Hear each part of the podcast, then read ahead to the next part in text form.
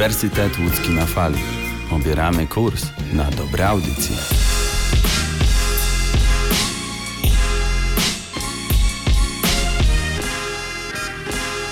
Mamy czwartek, 30 kwietnia. To oznacza, że po 14-dniowej przerwie powraca podcast o nazwie Cel Azja, będący częścią audycji Uniwersytet Łódzki na fali, prowadzonej przez studentów Uniwersytetu Łódzkiego. Przez te 14 dni nie zmieniła się natomiast osoba prowadząca ten podcast, a jest nią moja skromna osoba. Nazywam się Piotr Kwiatkowski i spędzę z Wami następne 30 minut mówiąc o ciekawostkach, które są powiązane z kontynentem azjatyckim. W naszym dzisiejszym podcaście znajdzie się miejsce dla Arabii Saudyjskiej, Pakistanu oraz Filipin, położonych na terenie Azji Południowo-Wschodniej. Mam nadzieję zaciekawić Was również muzyką. Oczywiście, jak zawsze, będę eksperymentował. Nie wiem, czy każdemu ten eksperyment podejdzie. Miejmy nadzieję, że nie będzie Was kół w uszy. A więc zaczynajmy. Zaczniemy tradycyjnie od muzyki, a po chwili wracam do Was.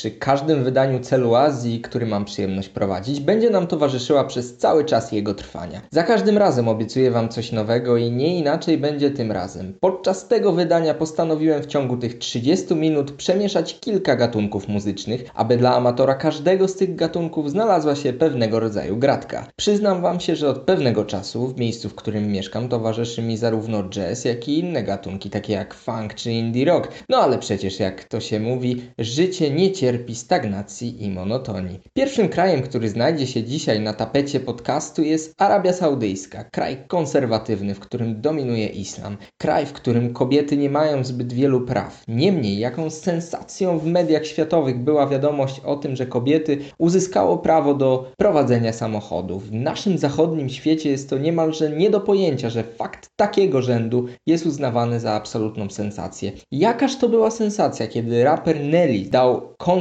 na terenie tamtego kraju, na który przyjść mogły także kobiety. Sytuacja również nierealna w naszej rzeczywistości. Jednakowoż to wszystko ma miejsce i budzi kontrowersje. Jedni uważają, że fakt, iż kobiety uzyskały prawo do kierowania samochodu jest dobrym znakiem na przyszłość, ale zadajmy sobie inne pytanie. Czy nie jest to przypadkiem próba uciszenia, biorąc następne słowa w bardzo duży cudzysłów, marudzenia zachodnich krajów zdominowanych przez liberalną demokrację? Tutaj pole do popisu mają zarówno politolodzy, jak i kulturoznawcy i jest to temat na tyle szeroki, że zająłby nam ze trzy podcasty, jak nie więcej. Natomiast jeśli chodzi o obecną sytuację Arabii Saudyjskiej związaną z koronawirusem, na dzień dzisiejszy jest to ponad 20 tysięcy zakażeń przy liczbie ludności przekraczającej 30 milionów. W Arabii Saudyjskiej postawiono na masowe testowanie ludzi potencjalnie zakażonych, ale inna rzecz zasługuje na uwagę. Na wstępie chciałbym powiedzieć, że moja wypowiedź będzie na tyle obiektywna, na ile to możliwe. Otóż w Arabii Saudyjskiej zakazano pielgrzymek do Mekki osobom z zagranicy jeszcze przed pierwszym zakażeniem. Podkreślam to grubą linią, ponieważ w tym samym czasie Iran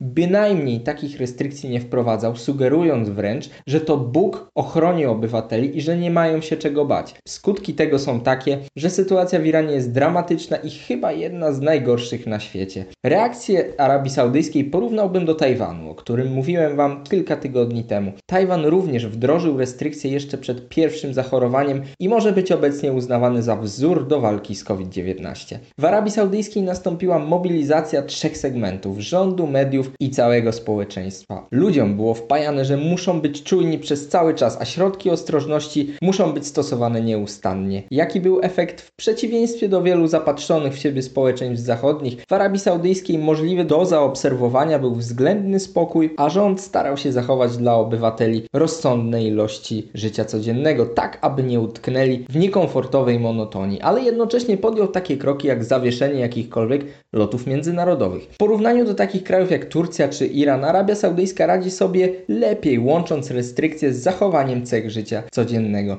Mimo pozytywów wszyscy trzymają rękę na pulsie. Minister zdrowia ogłosił na początku kwietnia, że przy złym zarządzaniu i błędnej polityce liczba przypadków może sięgnąć 200 tysięcy. Przypadek Arabii Saudyjskiej i nie tylko daje do myślenia. Nikt nie ma wątpliwości, że jest to państwo z wielce ograniczonymi swobodami dla człowieka. Niemniej wydaje się, że ustrojem, który ponosi porażkę w walce z koronawirusem jest demokracja liberalna. Jeśli przyjrzymy się na kraje zachodnie, wszystkie zanotowały gwałtowne skoki w zachorowaniach. Może należy zastanowić się, czy zachodnioeuropejskie demokracje liberalne nie były na etapie zmieniania się w systemy o cechach samowoli i anarchii. To pytanie, nasi drodzy słuchacze, pozostawiam Wam. A tymczasem zagrajmy.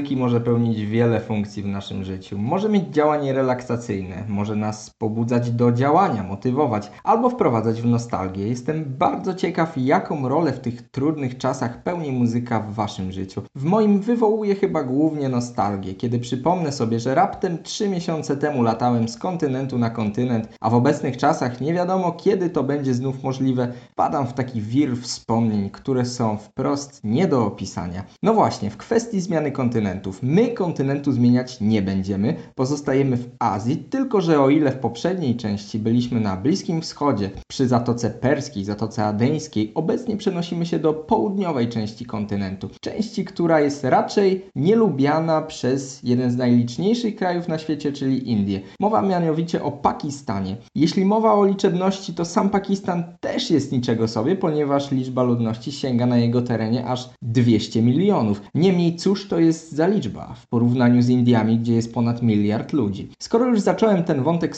sporu między oboma państwami, warto powiedzieć czemu się toczy, o co się toczy i jak się toczy. Obiektem sporu jest region zwany Kaszmirem, który jest podzielony pomiędzy Indię i Pakistan mniej więcej porówno. Kolejną różnicą między tymi państwami jest dominująca religia. W Indiach przy obecnych rządach Narendry Modiego najważniejszą rolę odgrywa hinduizm, a, mu, a muzułmanie są wręcz w tym państwie prześladowani. W Pakistanie to właśnie islam jest religią dominującą, więc potencjalny konflikt na tym polu jest poniekąd oczywisty. Ale nie o konflikcie międzynarodowym będzie w tej części podcastu mowa. Chciałbym powiedzieć nieco o sytuacji epidemicznej w Pakistanie, gdzie liczba chorych, mówię tutaj oczywiście o przypadkach zarejestrowanych, przekracza 15 tysięcy. Podkreśliłem to wyraźnie, ponieważ wiele zależy od liczby testów wykonywanych w danym państwie. I miejmy to na uwadze również podczas oceniania sytuacji w naszym kraju oraz w przypadkach nadmiernego optymizmu, jaki momentami towarzyszył naszym rodakom. Można powiedzieć, że sytuacja w Pakistanie nie jest najgorsza, ale pech chciał, że mówię o tym w momencie, w którym dwa dni temu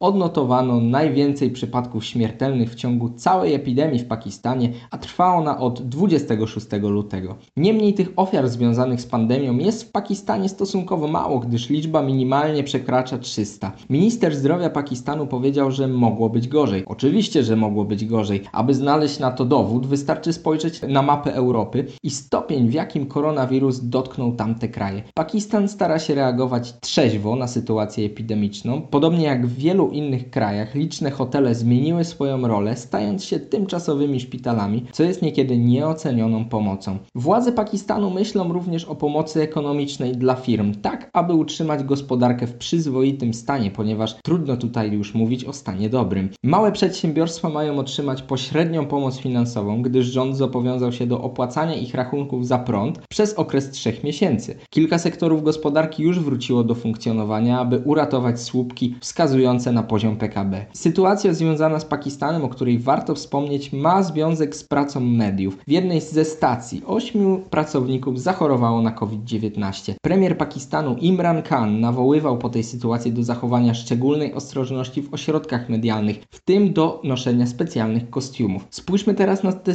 sytuację z innej perspektywy. Wyobraźmy sobie, że to w Polsce epidemia rozprzestrzeniłaby się na osoby ściśle związane z przekazem medialnym. Pomijając już z którą stacją sympatyzujemy, spowodowałoby to ogromny chaos w państwie, a ludzi dotknęłoby zjawisko dezinformacji. Nie bez powodu media nazywane są jedną z władz, które rządzą światem i trudno się z tym nie zgodzić. Niemniej w takich czasach jak te pełnią one szczególnie ważną i odpowiedzialną rolę. Mówiąc szczerze, ciężko mi się o tym wszystkim mówi, bo dla całego świata nastały obecnie ciężkie czasy, a przed każdym z nas stoi wielkie wyzwanie. Wyzwanie adaptacji w nowych, bardziej wymagających warunkach. Tą dygresją chciałem zakończyć tę część podcastu i życzyć Pakistanowi wytrwałości w walce z COVID-19. Czas na brzmienie muzyki, a ja niebawem do Was wracam.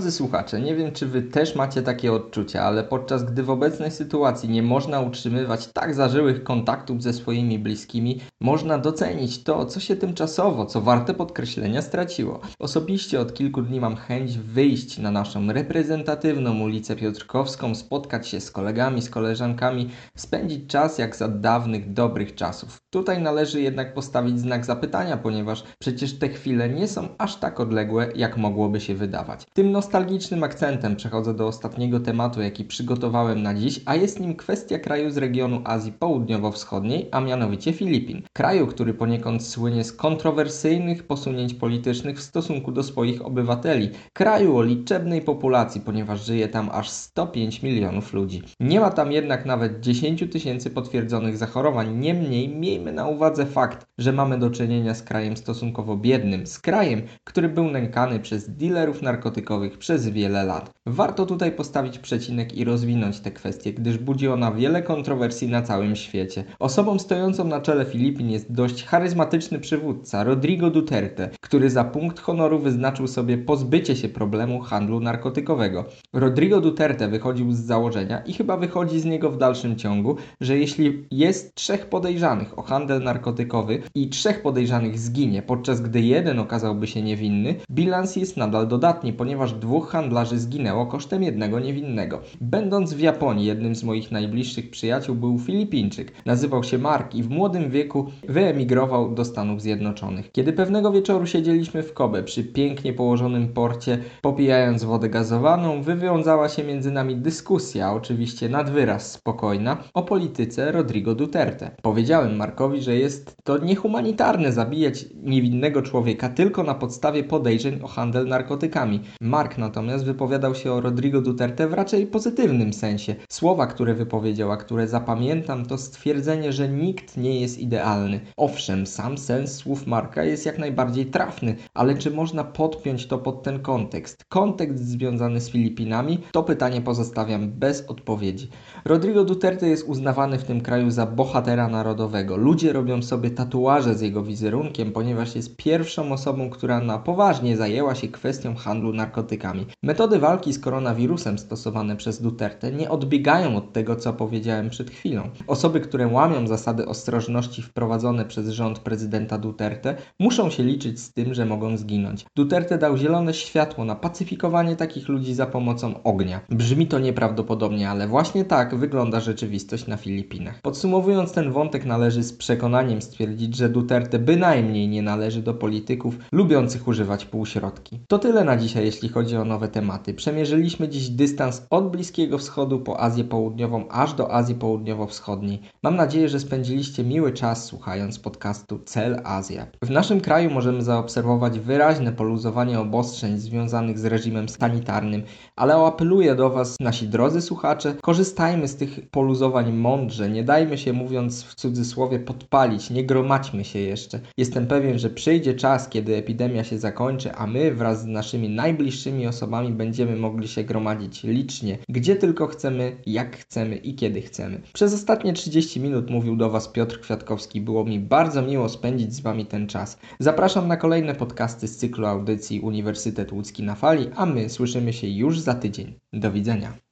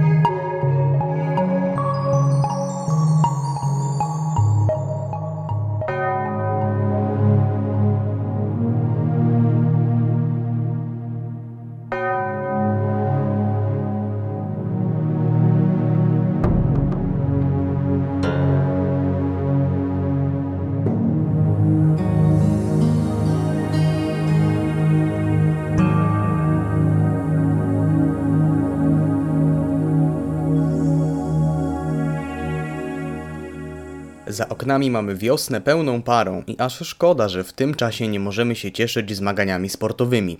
Nie zmienia to faktu, że zawsze jest okazja, by o nich porozmawiać, tudzież opowiedzieć. Z tej strony Damian Markowicz, słuchacie Sportcastu. Chociaż do tej pory można by go nazwać bardziej futbolcastem, gdyż to na piłce nożnej zamykała się dyskusja. Dzisiejsza audycja jednak będzie znacząco różnić się od poprzednich. Zdecydowałem się przygotować dla Was nostalgiczne zestawienie 15 sportowych chwil z ostatnich kilku, kilkudziesięciu lat, które szczególnie zapadły mi w pamięć. A żeby nie było za łatwo, świadomie pominąłem wydarzenia piłkarskie, o których w bliżej nieokreślonej przyszłości opowiem w osobnej audycji. Wybór sprawił mi trochę trudności, bo w ostatnich latach mogliśmy cieszyć się wieloma mniejszymi i większymi sukcesami, dlatego też postanowiłem zahaczyć o większą liczbę dyscyplin. Nie przywiązujcie się także do miejsc zajmowanych przez dane wydarzenia, ponieważ są one umieszczone bardzo kontekstowo. Powód był prosty: klasyfikacja emocji odczuwanych podczas obserwowania poszczególnych wydarzeń okazała się dla mnie niewykonalna. Mam nadzieję, że taka podróż w czasie zostanie przez Was odebrana pozytywnie. Wracam już niedługo z pierwszym siatkarskim segmentem.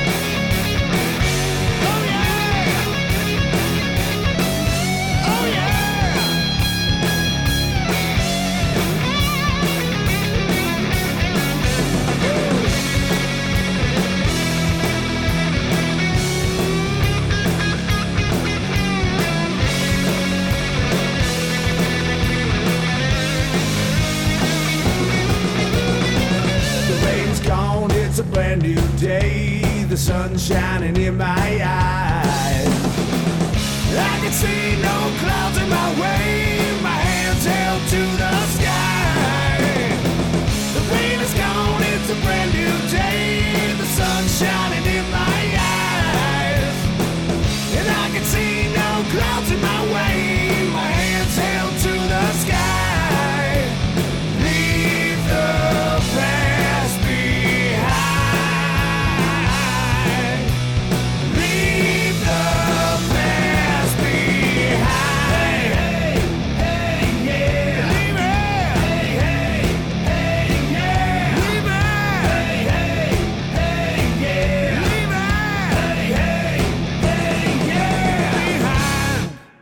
Powracamy do Sportcastu, w którym opowiadam o szczególnych dla mnie chwilach w historii polskiego sportu z ostatnich lat.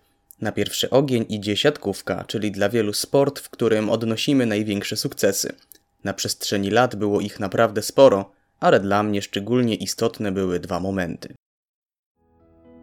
Jest rok 2014. W Polsce odbywają się właśnie Mistrzostwa Świata w piłkę siatkową.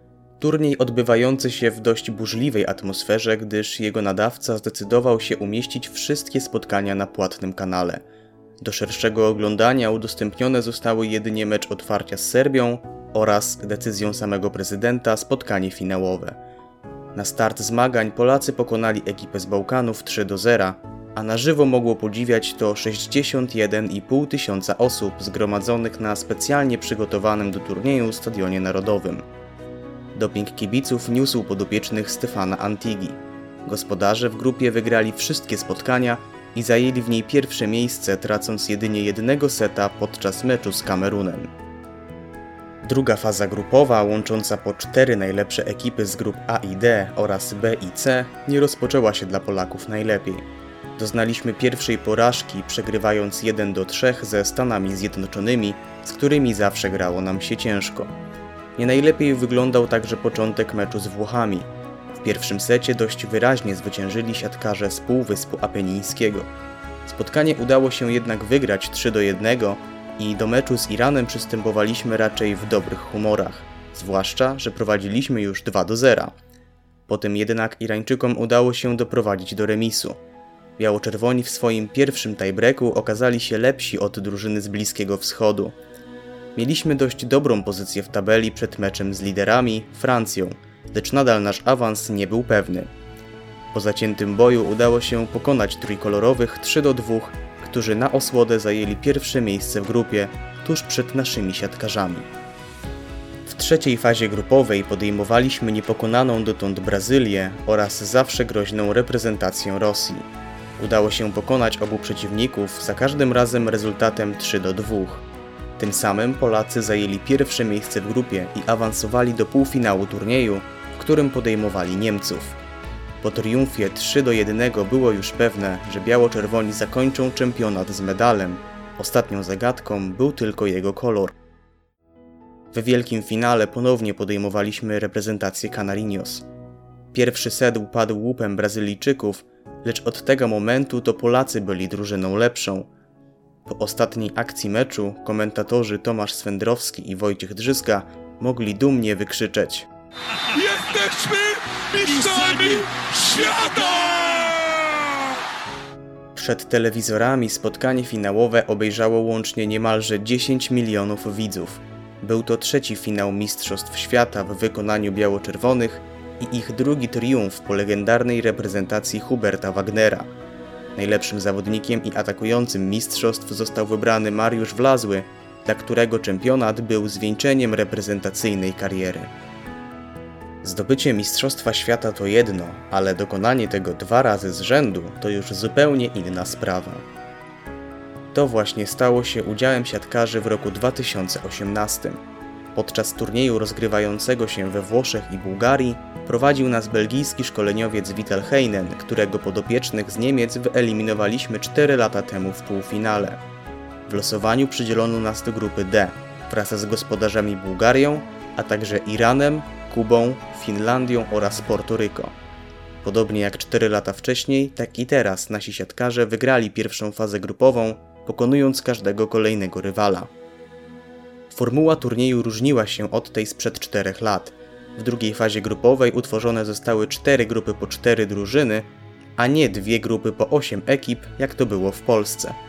Ta jednak ponownie nie rozpoczęła się dla nas najlepiej. Doznaliśmy dwóch bolesnych porażek z reprezentacjami Argentyny oraz Francji. Polacy jednak podnieśli się na mecz z mającymi już pewny awans z Serbami. Zostali oni, delikatnie mówiąc, przez naszą kadrę zmiażdżeni. Wynik 3 do 0, a dominację najlepiej pokazał ostatni set, wygrany 25 do 14. W trzeciej fazie grupowej ponownie mieliśmy zmierzyć się z Serbami, a także z drugim gospodarzem turnieju, reprezentacją Włoch.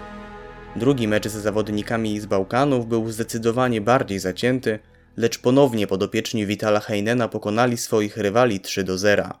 Włosi w pierwszym meczu ulegli Serbom, co oznaczało, że do awansu Polakom wystarczy jeden wygrany set z ekipą Italii. Jaki był wynik pierwszego seta tego meczu? 25 do 14 dla biało-czerwonych. W tym momencie emocje mocno osiadły, gdyż zarówno Polacy byli już pewni awansu do półfinału z pierwszego miejsca, jak i Włosi nie mieli już nawet matematycznych szans. Ostatecznie ulegliśmy 3 do 2, ale każdy był już myślami w Turynie, gdzie Polacy mieli podjąć Amerykanów w walce o wielki finał. I pod względem emocji było to dla polskiego kibica najlepsze spotkanie turnieju. Wyrównana gra, prowadzenie 1 do 0, następnie wynik 2 do 1 dla USA, a ostatecznie wielki triumf Polaków w niemal koncertowym w ich wykonaniu tiebreaku. Czas na wielki finał, gdzie czekała już Brazylia. Historia zdawała się zataczać koło. Spotkanie finałowe było prawdziwym popisem Polaków.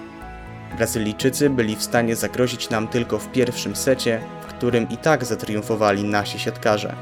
Z każdym kolejnym punktem nasza kadra grała pewniej, a kulminacją znakomitej gry był atak Bartosza Kurka w drugim secie bez żadnego bloku Canarinos. Po zdobyciu 25 punktu w trzecim secie padły historyczne słowa. Tytuł mistrzów świata! Wspomniany Bartosz Kurek, którego zabrakło 4 lata temu w kadrze ze względu na kontuzję, został wybrany najlepszym graczem turnieju.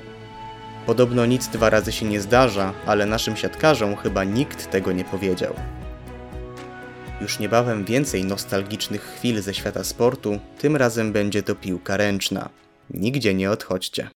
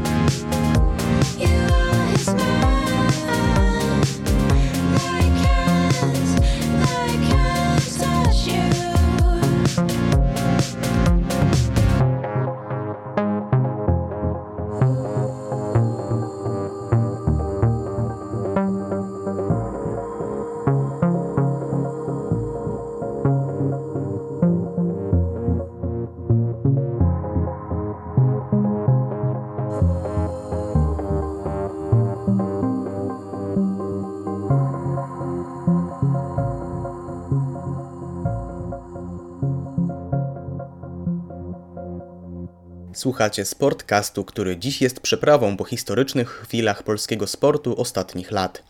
Było o siatkówce, a podczas kilku następnych minut powspominam szczególne momenty polskiej piłki ręcznej, czyli pospolitego szczypiorniaka. A jest co wspominać, bo ta dyscyplina jest dla polskiego kibica równoznaczna z emocjami do ostatnich sekund i słynnym już spokojnym wygrywaniem jedną bramką. Zdecydowałem się opowiadać o wydarzeniach w porządku chronologicznym. Na początek wydarzenie, które zdefiniowało polskie miary czasu. Mowa oczywiście o jednej wencie.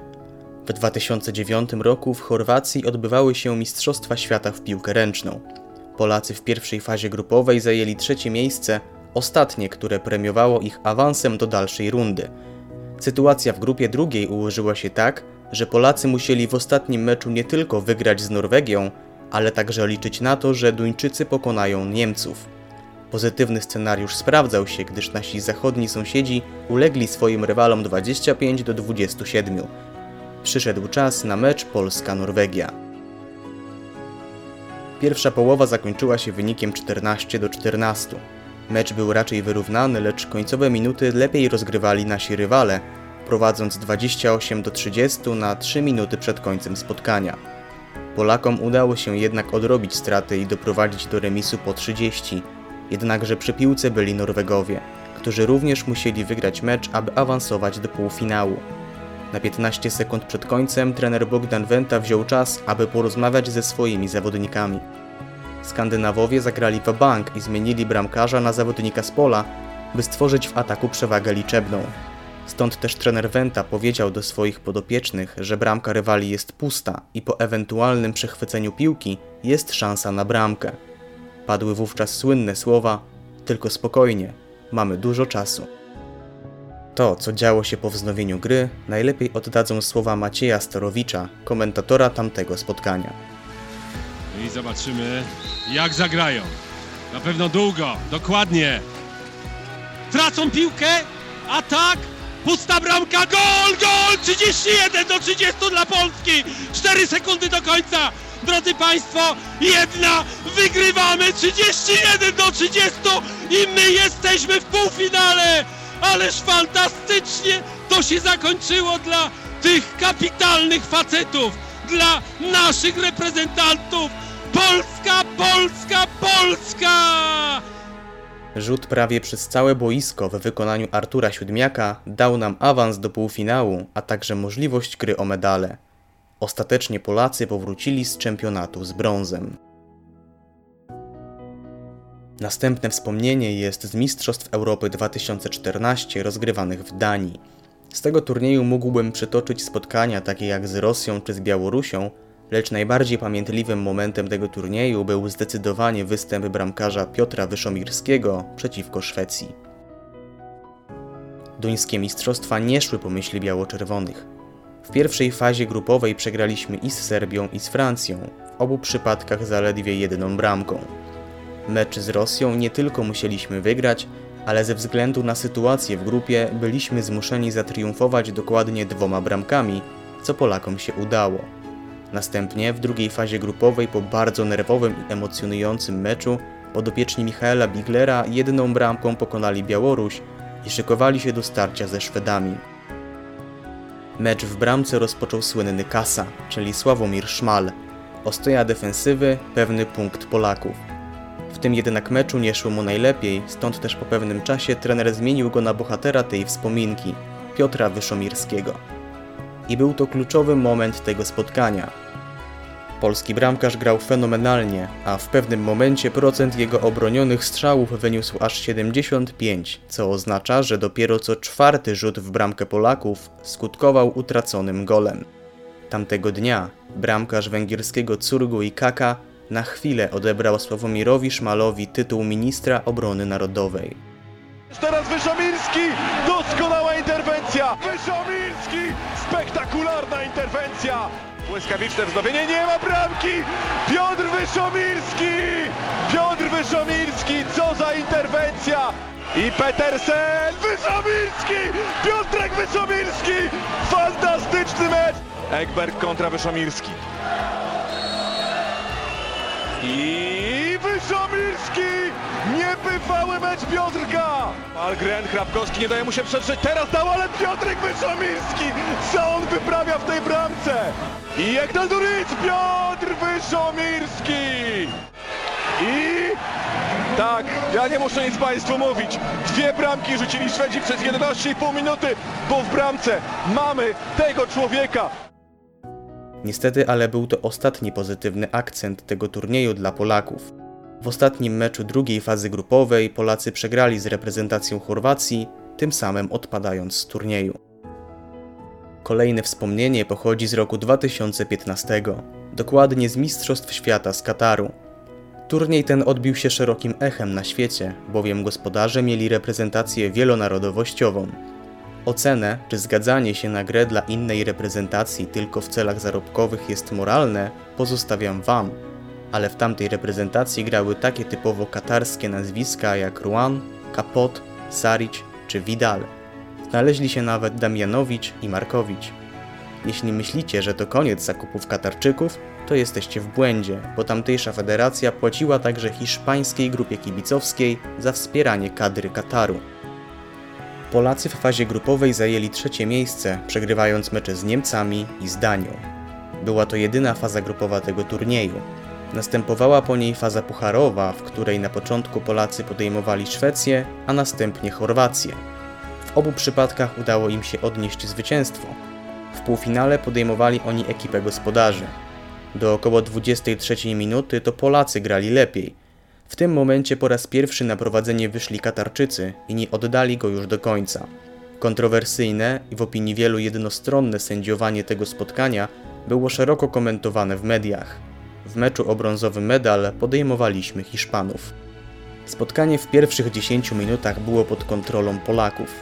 Następnie przez dłuższy czas obserwowaliśmy wyrównaną grę. Przez prawie 20 ostatnich minut to Hiszpanie prowadzili w meczu, mając na 10 minut przed końcem przewagę czterech bramek. Emocje były do ostatnich sekund, a nawet dłużej, bowiem Polakom udało się doprowadzić do remisu 24 do 24 w ostatnich sekundach meczu. 20 sekund do końca! Polacy, To jest ta akcja! zagrajcie tę akcję! Zróbcie to!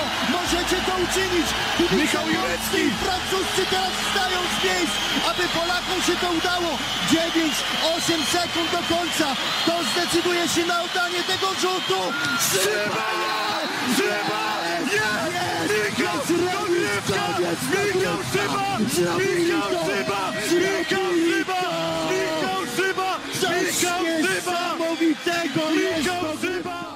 W dogrywce mecz był niesamowicie wyrównany. Żadna reprezentacja nie odskoczyła drugiej na więcej niż jednego gola. W końcówce meczu Polacy wyszli na prowadzenie 29 do 28 i oczekiwali na ostatni atak Hiszpanii. Na dwie sekundy przed końcem, ze względu na faul, czas został zatrzymany. Nie mogliśmy dopuścić do utraty bramki.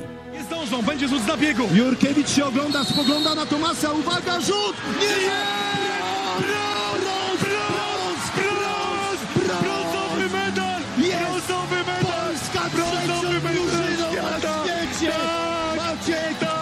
Sukces Jest! i taniec radości naszych reprezentantów! Brawo, brawo! Polacy! Udało się. Polacy w dramatycznych okolicznościach zostali trzecią drużyną świata.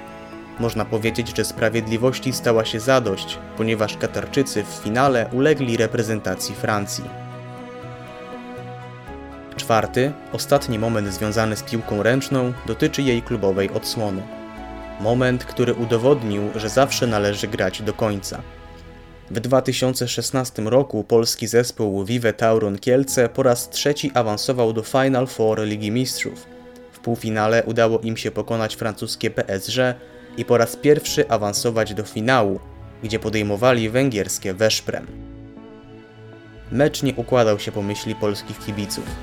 Do przerwy drużyna z Kielc przegrywała 17 do 13. Później było niestety gorzej. Na nieco ponad 13 minut do końca Vive przegrywało aż 28 do 19. Nikt więc nie dawał jakichkolwiek szans mistrzowi Polski na końcowy triumf.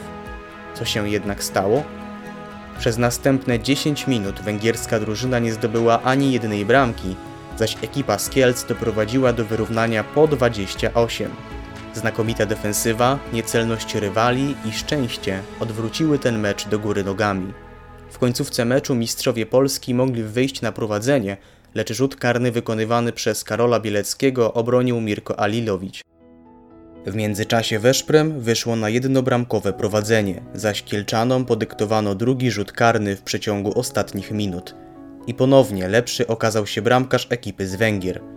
W samej końcówce meczu drużynie Vive Taurun Kielce udało się jednak zdobyć bramkę na wagę dogrywki. Wierzymy w atak, wierzymy w ofensywę, wierzymy w skuteczność. Wierzymy Ale też- w Vive Tauron Kielce. Ale też do końca tylko od gwizdka zostało 10 sekund. To już jest szaleńcza. Jedna akcja, która może doprowadzić do remisu. Już grają. Zorman Lijewski. Lijewski gol! Lijewski! Lijewski! Lijewski gol! Ekipa mistrza Polski mogła zakończyć spotkanie w dogrywce, lecz nie udało im się utrzymać prowadzenia w jej końcówce. Czekały nas więc rzuty karne. Po pierwszej serii Weszprem prowadziło 1 do 0. Udało się jednak odpowiedzieć w drugiej, doprowadzając do remisu 1 do 1. Następnie wynik przerodził się w 2 do 2. Kolejny rzut karny obronił Sławomir Szmal, a Tobias Reichmann doprowadził Kielczan na prowadzenie 3-2. Wyrównał Aaron Palmarson i wszystko zależało od rzutu Julena Aginagalde. Możemy zdobyć bramkę Juliana Ginagalde po raz piąty w turnieju Final Four. Jeszcze nigdy nie udawało mu się wygrać tego turnieju. Aginagalde Czalilowicz. Aginagalde! Julen! Aginagalde! Vive! Vive! Vive wygrywa Ligę Mistrzów sezonu 2015-2016! Do audycji powrócimy niebawem, tymczasem zachęcam wszystkich słuchaczy do odetchnięcia po takiej dawce emocji przy muzyce.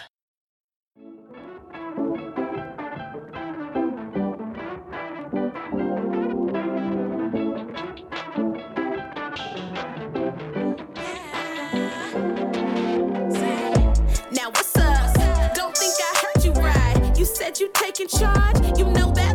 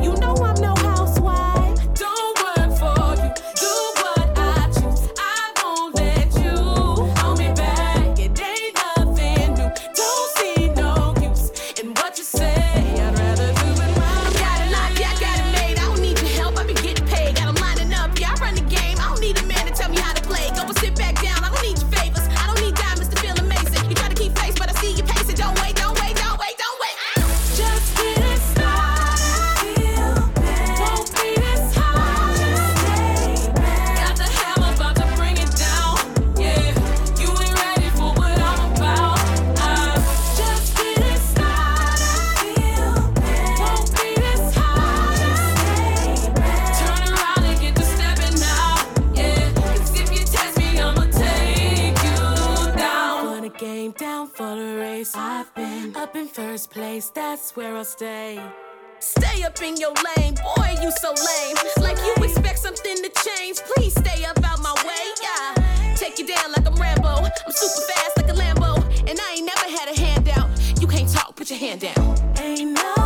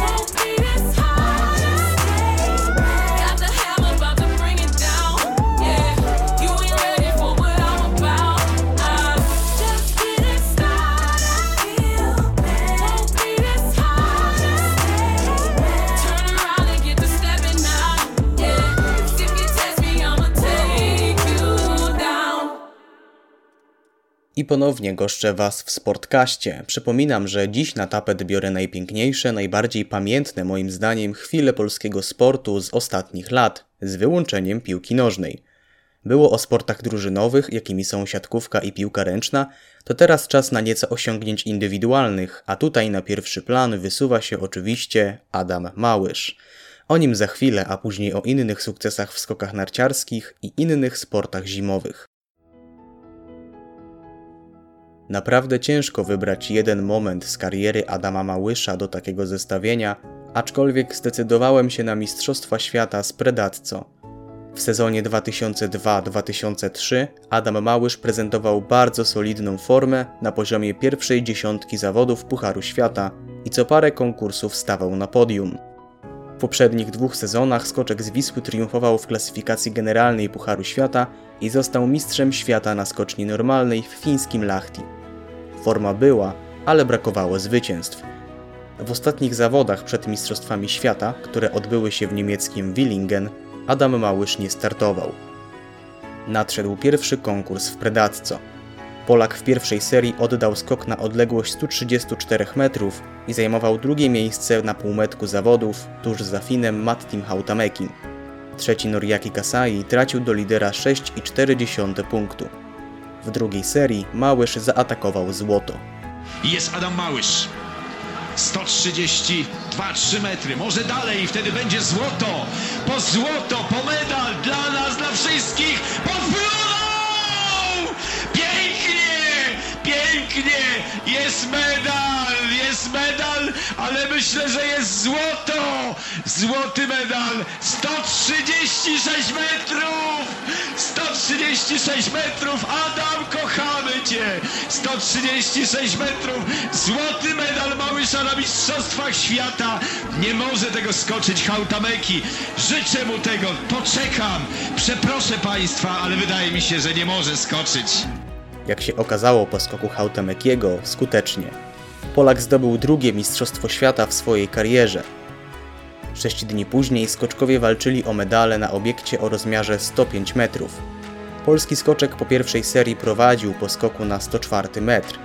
W drugiej serii przypieczętował swoją dominację. I popatrzmy, czy dzisiaj pofrunie za chwilę po drugi złoty medal. 104 było w pierwszej serii.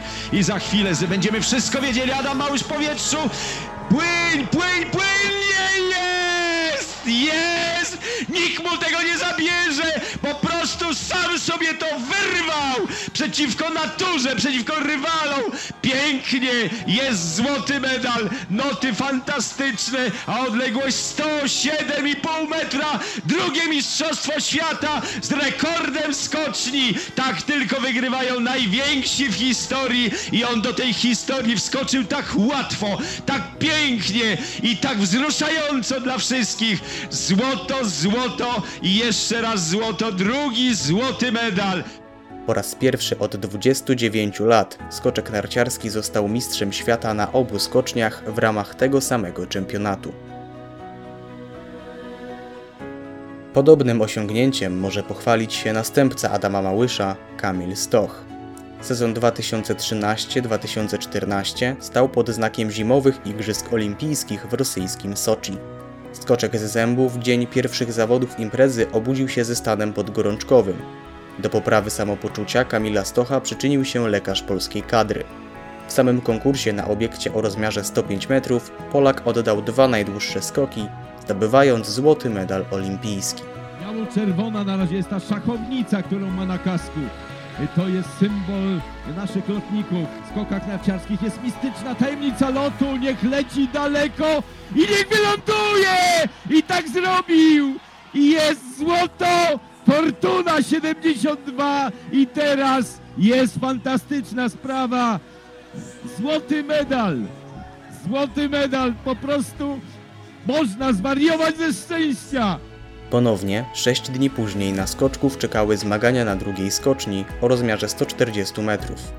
W pierwszej serii Kamil Stoch wylądował tylko metr bliżej, wyrównując rekord Noriakiego Kasajego sprzed paru minut. Udało mu się wytrzymać presję drugiego skoku i tym samym zdobył drugie złoto olimpijskie. Tam, gdzie sobie wymarzyłeś, a my to będziemy śledzić, y, patrząc na to, jak poszybujesz. Oby tak się stało po złoto, y, po zwieńczenie tego pięknego, być może najpiękniejszego zimowych Igrzysk Olimpijskich dnia. Było złoto Brudki, czy będzie złoto Kamila Stocha? Jest! Tak to wygląda! Nie mogę tego przegrać! Jeszcze moment nerwów, proszę Państwa. Łączna nota Japończyka 277,4. Stoją, wszyscy Stoją czekają. już medaliści Peter Prewci, Noriaki Kasai wiedzą na pewno. kto- kto jest mistrzem olimpijskim? No właśnie, moim zdaniem Kamil. Kamil! Brawo! 170, 278 i 7. Marek! Jeden. Mamy dwóch, dwa tytuły mistrza olimpijskiego. Jeden punkt i trzy dziesiąte na korzyść Kamila. W skokach narciarskich mieliśmy sukcesy indywidualne, ale na drużynę z prawdziwego zdarzenia musieliśmy trochę poczekać. Narodziła się ona za kadencji Austriaka Stefana Horngachera. W pierwszym sezonie pracy szkoleniowca z Polakami imprezą docelową były Mistrzostwa Świata w Lachti. Po zawodach indywidualnych mogliśmy czuć pewien niedosyt. Co prawda mieliśmy brązowy medal Piotrka Żyły, ale chyba wszyscy po cichu oczekiwaliśmy złota w którymś z konkursów. Nasze pragnienia ziściły się w konkursie drużynowym. Polacy od samego początku zdystansowali rywali i pewnie kroczyli po historyczną wygraną. Wszystkiego dopełnił lider Pucharu Świata, Kamil Stoch. Bierz los w swoje ręce, Kamilu. Leć, leć swobodnie, bez obciążeń.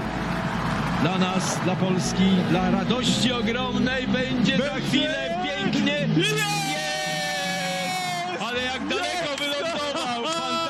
Fantastycznie! Fantastycznie! Padamy sobie w ramiona, bo to jest piękny, historyczny moment. Chłopaki, cieszcie się.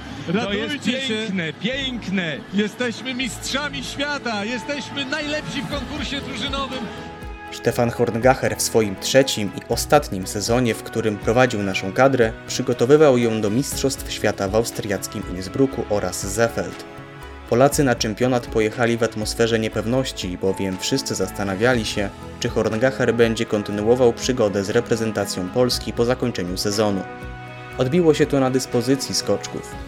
W pierwszym konkursie indywidualnym rozgrywanym na skoczni dłużej, najlepszym z Polaków okazał się Kamil Stoch, który był piąty. Podczas konkursu drużynowego zajęliśmy z kolei najgorsze dla sportowców czwarte miejsce. Nadszedł czas na konkurs indywidualny na skoczni normalnej w Zefeld. Zacznę od tego, że zawody w takich warunkach nie powinny się odbyć. Padający śnieg i powiewy wiatru wypaczały zawody i tasowały stawkę niemiłosiernie. Dość powiedzieć, że na szóstym miejscu po pierwszej serii był Czech Filip Szakala, który nigdy nie zakwalifikował się nawet do konkursu Pucharu Świata. Polacy nie najlepiej wylosowali na tej loterii. Kamil Stoch był 18, Dawid Kubacki 27, Stefan Hula 29, a Piotr Żyła 33, nie wchodząc tym samym do drugiej serii. Paradoksalnie tak słabe pozycje Polaków okazały się w pewnym sensie pomocne. Tory najazdowe na skoczni w Zefeld zalegały śniegiem i nie nadążano ich oczyszczać, co obniżało skoczkom prędkości na progu. Im dalej w konkurs, tym było gorzej. Dawid Kubacki po miernej próbie w pierwszej serii zdecydowanie poprawił się w drugiej, uzyskując 104,5 metra. Kolejni zawodnicy nie byli w stanie nawiązać walki z Polakiem. Zbliżył się dopiero Kamil Stoch, który uplasował się tuż za Kubackim. Z kabiny komentatorskiej padły wówczas historyczne słowa Przemysława Babiarza. Ach, gdyby tak mogło być do samego końca. Okazały się one prorocze, ponieważ wspomnianej dwójki nie wyprzedził już nikt. W atmosferze organizatorskiego skandalu Polacy zostali mistrzem i wicemistrzem świata, awansując z 27 na pierwsze i z 18 na drugie miejsce. Zostawmy jednakże już skoki narciarskie i skupmy się na dwóch innych dyscyplinach zimowych. Pierwszą z nich są biegi narciarskie, a jedyną osobą, o której mógłbym w kontekście tej dyscypliny wspomnieć, jest oczywiście Justyna Kowalczyk. Co zapamiętałem w szczególności z jej kariery? Oczywiście dramatyczny finisz we wyścigu na 30 km techniką klasyczną na Igrzyskach Olimpijskich w Vancouver z roku 2010. Imprezę Justyna Kowalczyk rozpoczęła od zajęcia piątego miejsca we wyścigu na 10 km techniką dowolną, minimalnie przegrywając czwarte miejsce ze Szwedką Anną Haag. Następnie zdobyła srebro w sprincie indywidualnym, ustępując Marit Bjergen oraz brąz w biegu łączonym o pół stopy pokonując Norweżkę Kristin Stürmer Steire. W sztafecie 4 razy 5 km wyprowadziła Polskę na prowadzenie, lecz wynik został anulowany ze względu na wykrycie w organizmie innej zawodniczki, Kornelii Marek, zabronionych środków dopingowych. Ostatnimi zawodami w biegach narciarskich na igrzyskach był bieg na 30 km, specjalność Kowalczyk.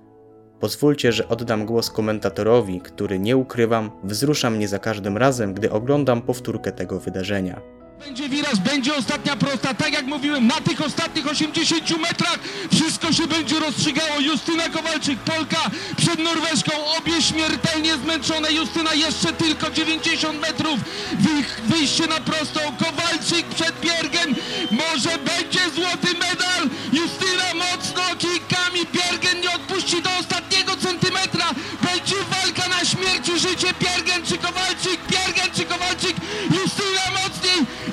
Jesteś silniejsza, potrafisz to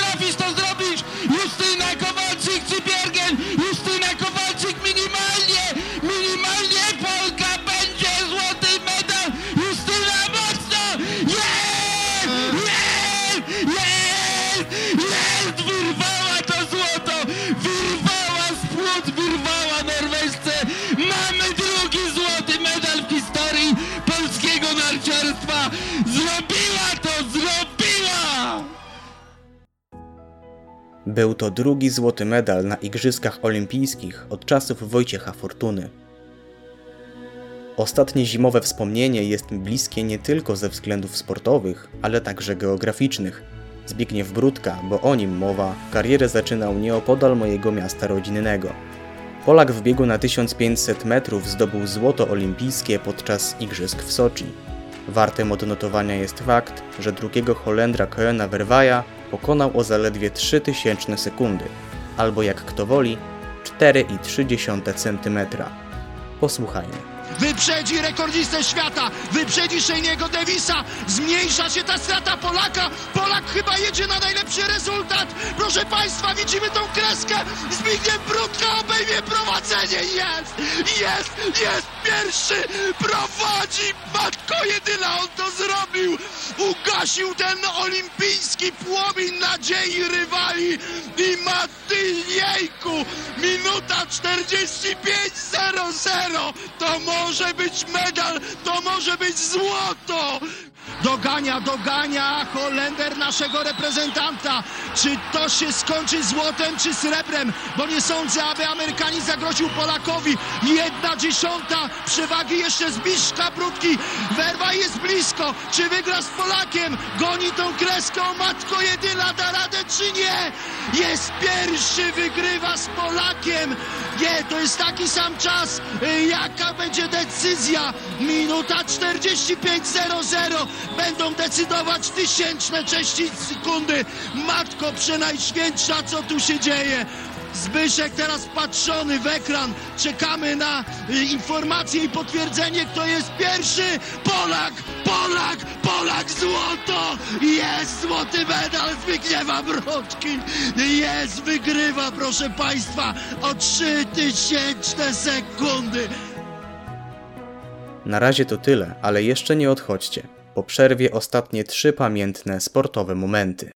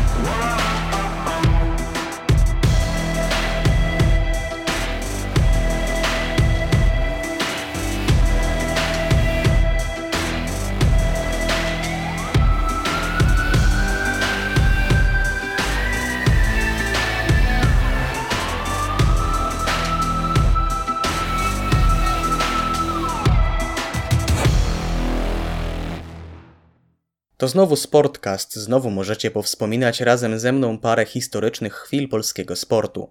W tym wejściu, które uzupełni listę 15 momentów, skupię się na trzech dyscyplinach, które polegają na ściganiu się. A skoro o tym mowa, to nie mógłbym rozpocząć od kogoś innego niż od Roberta Kubicy. Polak w sezonie 2008 był kierowcą ekipy BMW Zauber, startującej w Formule 1. Szczególny dla Roberta był wyścig o Grand Prix Kanady. Startował w nim z drugiego miejsca zajętego w kwalifikacjach, które udało mu się obronić na starcie wyścigu. Na 17 okrążeniu na tor wyjechał samochód bezpieczeństwa, który zmniejszył straty Kubicy do prowadzącego Louisa Hamiltona. Polak dwa okrążenia później zjechał do pit stopu. Na wyjeździe z alei serwisowej zderzyli się ze sobą jadący na pierwszym miejscu Hamilton oraz trzeci Kimi Raikkonen, dzięki czemu obaj odpadli z wyścigu. Polak po wizycie w pit-stopie wyjechał na ósmym miejscu, a z czasem, gdy pozostali kierowcy zdecydowali się zmienić opony, został liderem. Prowadzenia nie oddał już do samego końca. Proszę Państwa, boję się aż to dosłownie głośno powiedzieć, bo jeszcze e, przecież jest no chyba więcej niż kilkaset metrów. Czy Państwo zdajecie sobie sprawę z tego, że po tym wyścigu Robert Kubica będzie liderem Mistrzostw Świata? Baliśmy się to powiedzieć 15 okrążeń wcześniej. Ale już teraz możemy, mamy już e, prostą startu mety, flagę w biało-czarną szachownicę. Robert Kubica wygrywa swój pierwszy w karierze wyścig Formuły 1. A więc e, stało się to, na co czekaliśmy. Myślę, że nie tak długo. E, Zanosiło się na to zwycięstwo od początku sezonu. Jest tutaj e, na torze również sporo biało-czerwonych flag. Szkoda, szkoda, że realizator nam tego nie pokazuje. Wielkie zwycięstwo Roberta Kubicy. Zwycięstwo smakowało jeszcze lepiej, bowiem rok temu, na tym samym torze, Robert Kubica miał strasznie wyglądający wypadek, z którego wyszedł zaledwie z potłuczeniami i lekkim wstrząśnieniem mózgu. Drugie wspomnienie w zestawieniu jest chyba najmłodsze z wszystkich przeze mnie wytypowanych. Dotyczy ono żużlowego mistrza świata za rok 2019 Bartosza Zmarzlika. Polak od kilku sezonów pokazywał, że ma aspiracje na końcowy triumf, lecz sztuka ta udała się dopiero w ubiegłym roku. Bartosz triumfował na Słowenii, w Polsce i w Danii, a na podium stał jeszcze w Niemczech i w Wielkiej Brytanii. Za swoje dokonania został on później sportowcem roku 2019 w plebiscycie przeglądu sportowego. Był człowiek z żelaza, kolejarz opolski Jerzy Szczakiel. W 73. Był człowiek z marmuru, postać pomnikowa dla Speedwaya, Tomasz Golob w cyklu Grand Prix 2010, a teraz jest człowiek ze stali, człowiek z nadziei, człowiek z marzeń, bo tylu liczyło i mówiło, będziesz mistrzem świata, proroctwo wypełniło się, Bartosz Zmarzlik, mistrzem świata! Tak jest, tak jest, tak jest! Ten chłopak tego dokonał! Ten chłopak rozpalił motoarenę! Cały świat i Polskę Bartosz Zmarzlik jest mistrzem świata na żużlu 2019! Ostatnia nominacja ode mnie idzie w stronę Rafała Majki, a dokładniej jego brązowego medalu Igrzysk Olimpijskich w Rio de Janeiro. Podczas wyścigu ze startu wspólnego wraz z innymi kolarzami pokonał blisko 250 km. Wydawało się, że może zdobyć złoto, zwłaszcza wtedy, gdy uciekający z nim Vincenzo Nibali i Sergio Henao wywrócili się na około 20 km przed metą. Rafał walczył dzielnie, lecz słabł z każdą chwilą. Na około kilometr przed finiszem dopadła go dwuosobowa grupa pościgowa w składzie Greg Van Avermaet i Jakob Fuglsang. Potwornie wyczerpany Majka nie zdecydował się na ostatni zryw, ale i tak zdobył medal Igrzysk Olimpijskich. Atakuje, czy ma jeszcze siły? Oni ruszyli. Czy ma siły? Nie ma sił Rafał Ruszył Greg Van Avermaet. Ruszył Greg Van Avermaet, za nim Jakob Fuglsang. Greg Van Avermaet zmierza po olimpijskie złoto, a Rafał Majka tam z tyłu na trzecim miejscu. Mistrzem olimpijskim Greg Van Avermaet, ale Rafał Majka z medalem. Trzeci w historii medal indywidualny polskiego kolarza na Igrzyskach Olimpijskich. Rafał, jesteś wielki. Mógłbym tak wymieniać i wymieniać, ale trzeba wiedzieć, kiedy ze sceny zejść. To było 15 wspaniałych chwil w historii polskiego sportu, które szczególnie zapadły mi w pamięć w przeciągu ostatnich lat. Zachęcam także do dzielenia się z nami swoimi wspomnieniami ze sportowymi wydarzeniami. Niedługo po zakończeniu dzisiejszego pasma na naszej stronie na Facebooku powinien ukazać się post, pod którym możecie powspominać momenty, które Wy uważacie za szczególnie wyjątkowe. Ja tymczasem dziękuję za poświęcony czas, odsyłam Was standardowo do Janka Piekutowskiego i Pawła Ogórkiewicza. Do następnego.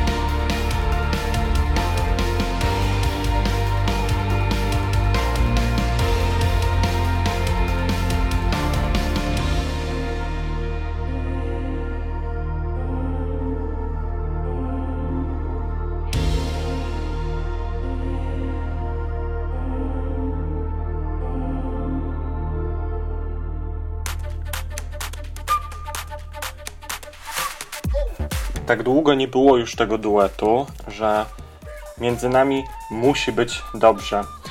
Moja przyjaciółka serca wróciła, a my witamy szanownych słuchaczy w audycji UE na fali pod tytułem Między nami dobrze jest. Dzisiaj przy mikrofonach e, przyjaciółka ma, serdeczna, po chorobie, po różnych przebojach, Jan Piekutowski. Perturbacjach. Dzień dobry, witam serdecznie. Jest ze mną również mój ukochany mm, Paweł Ogórkiewicz i nas niekoniecznie ratował Jean, ale różne inne rzeczy już tak. On nie kochał nas, po prostu. Y, tytuł, tytuł audycji wskazuje, że jak zwykle y, jest dobrze, moi drodzy. Chociaż, czy aby na pewno zawsze tak było? Dzisiaj wrócimy do 2017 roku i wyróżnimy dla Was najlepsze i najważniejsze jego momenty ze świata filmu, muzyki oraz show biznesu.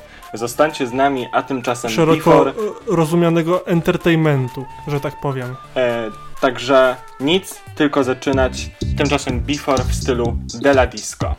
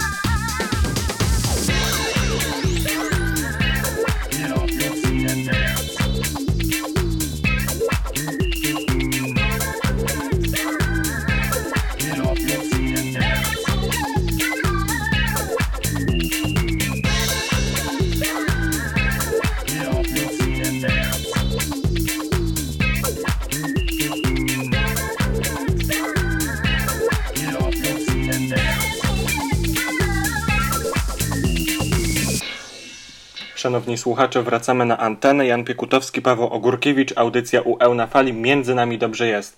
Witamy Cię, Janku. A witam, witam. Czuję się jakbym był gościem, tak dawno nie prowadziłem tej audycji. No właśnie, troszkę Cię tutaj nie było. Mam nadzieję, że mimo to pamiętasz, jak fantastyczna aura sprzyjała tej audycji. Yy, wiesz co? Aura była genialna. Mam nadzieję, że będzie taka sama dzisiaj i że ta audycja będzie po prostu płynęła niczym taki wartki górski potok. Ja też mam taką tak nadzieję. Ja też mam taką nadzieję, mimo że jestem cały poklejony, ponieważ mój mikrofon, a raczej słuchawki, które, z których to korzystam. Bardzo dziwnie brzmi. E, wiesz co? Dlatego, że opanowałem taki system. E, kiedy nagrywałem podcasty, to te słuchawki, każde jakby przesunięcie czy szurnięcie powodowało zakłócenia. I jestem ci cały obklejony po prostu w taśmach, aby te słuchawki były jak najbardziej przy ciele. Mam nadzieję, że to się sprawdzi. No to jest y, poświęcenie godne miliona słuchaczy, naprawdę. Mam taką nadzieję, mam taką nadzieję, że nie tylko słuchaczy, ale i sympatii słuchaczy do naszych osób, ale wspomniałem o tym, że taśma przy ciele, e, ciało przy ciele jest również na koncertach, zwłaszcza zespołów, które zyskują coraz większą popularność. I tak było w 2017 roku z zespołem, który już był popularny e, dzięki poprzedniej płycie, dzięki e, występowi i wygranej w Must Be The Music e, zespół Lemon. I 2017 rok to był ważny rok dla tego zespołu, dlatego że ukazała się płyta tego zespołu pod tytułem Tu. I koncert w Stodole. Janek, czy ty słuchasz tego zespołu, w ogóle Igora Herbuta? Mm, nie słucham, gdyż nie przemawia do mnie ich stylistyka, krótko mówiąc. Nie mam jakichś specjalnie dużych zarzutów odnośnie tego zespołu. Rozumiem sympatię osób, które go słuchają. Y, Rozumiem też osoby, które zachwycają się stylem śpiewania Igora Herbuta, bo on nie jest zwyczajny.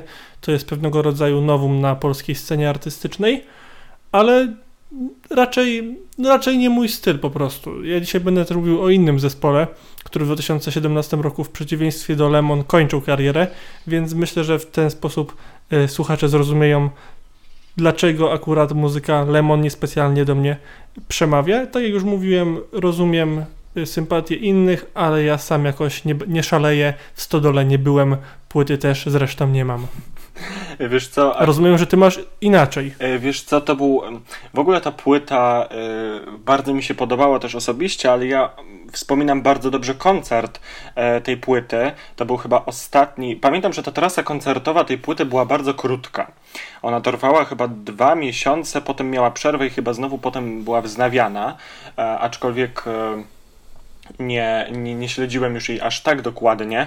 Natomiast pamiętam, że ostatni koncert był chyba, e, znaczy nie chyba, był w Warszawie 23 kwietnia e, w moje 18 urodziny. I ja pamiętam, że w dzień swoich urodzin właśnie wybrałem się na koncert e, tej grupy i moim ogromnym marzeniem było, żeby w jakiś sposób poinformować zespół o tym, że mam dzisiaj urodziny, żeby Igor powiedział to ze sceny, że życzymy wszystkiego najlepszego.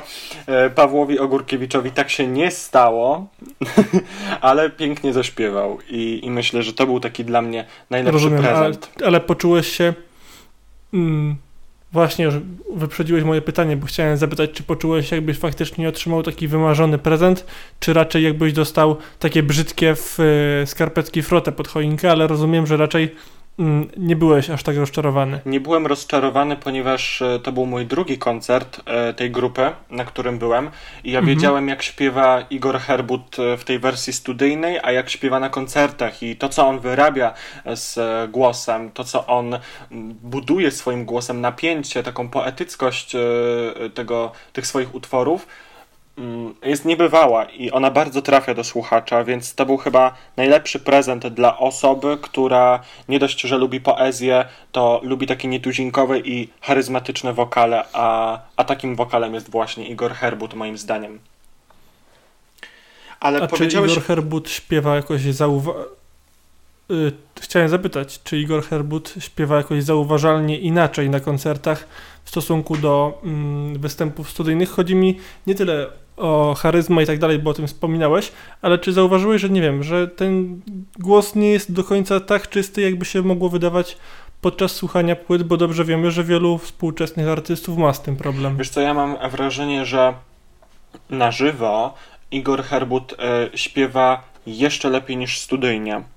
E, jeszcze, O, proszę. jeszcze czyściej. E, znaczy, wiesz, mówić, że ktoś e, śpiewa e, dobrze lub niedobrze, to też jest bardzo taki bardzo szeroka teza, tak? Bo oczywiście na dobre czy niedobre śpiewanie składa się mnóstwo czynników, takich jak e, barwa głosu. Wiesz, ktoś może mieć bardzo dobry słuch, e, ale bardzo brzydką barwę głosu i to zawsze na przykład podkreśla pani Ela Zapędowska, która nie śpiewa, a jednocześnie uczy tego śpiewu, tak? Ale ona nie śpiewa dlatego, że ona ma brzydką Tak, barwę głosu. pani- No Mhm. właśnie. Z Igorem jest tak, że... Pani Ela Zapędowska ma słuch absolutny. Tak, tak, przypomnijmy to. Pozdrawiamy oczywiście panią Elę, jeżeli kiedykolwiek e, trafiłaby do, na audycję u Eł na fali. E, wiesz co, i, i z Igorem O, to jest... wtedy to wyślę kwiaty. Tak, Mm, albo nowe okulary. E, jeżeli chodzi o Igora, to przede wszystkim on też e, ma taką swobodę w tym, jak bawi się utworem. E, bardzo fajne jest to, że słuchacz, kiedy idzie na koncert, to jest oczywiście nie tylko jakby na koncertach tej grupy, ale on nie boi się potknąć, nie boi się spróbować em, takich improwizacyjnych e, narzędzi. Że to wszystko jest, wiesz, takie bardzo Mhm. spontaniczne i, i odbiorca to czuje, a mimo wszystko odczuwa w tym radość. Nie ma czegoś takiego, że kiedy słucham go na koncertach, to ja boję się, że nie wiem, on nie dosięgnie jakiegoś dźwięku. On bardzo dobrze zna swoje progi wokalne, wiesz, swoje możliwości, swój wachlarz, więc e, ta improwizacja jest jak najbardziej świadoma i myślę, że to sprawia e, bardzo duży komfort odbiorcy. Ale powiedziałeś też Rozumiem, no to o, Igorem Herbutem. e, tak, wiesz co, zachwyt No, nad- wiesz co, mam wrażenie, że my się jakoś generalnie dzisiaj słabo słyszymy i mamy jakiś problem z łączeniem, ale w każdym razie to może ja teraz zaproszę Państwa na przerwę, bo już gadamy 10 minutek, więc wypada posłuchać czegoś innego niż nas. I teraz będzie piosenka y, Dating. Y, dzisiejsze, dzisiejszą playlistę całości wybierał Paweł, ale jest rewelacyjna. Zapraszam.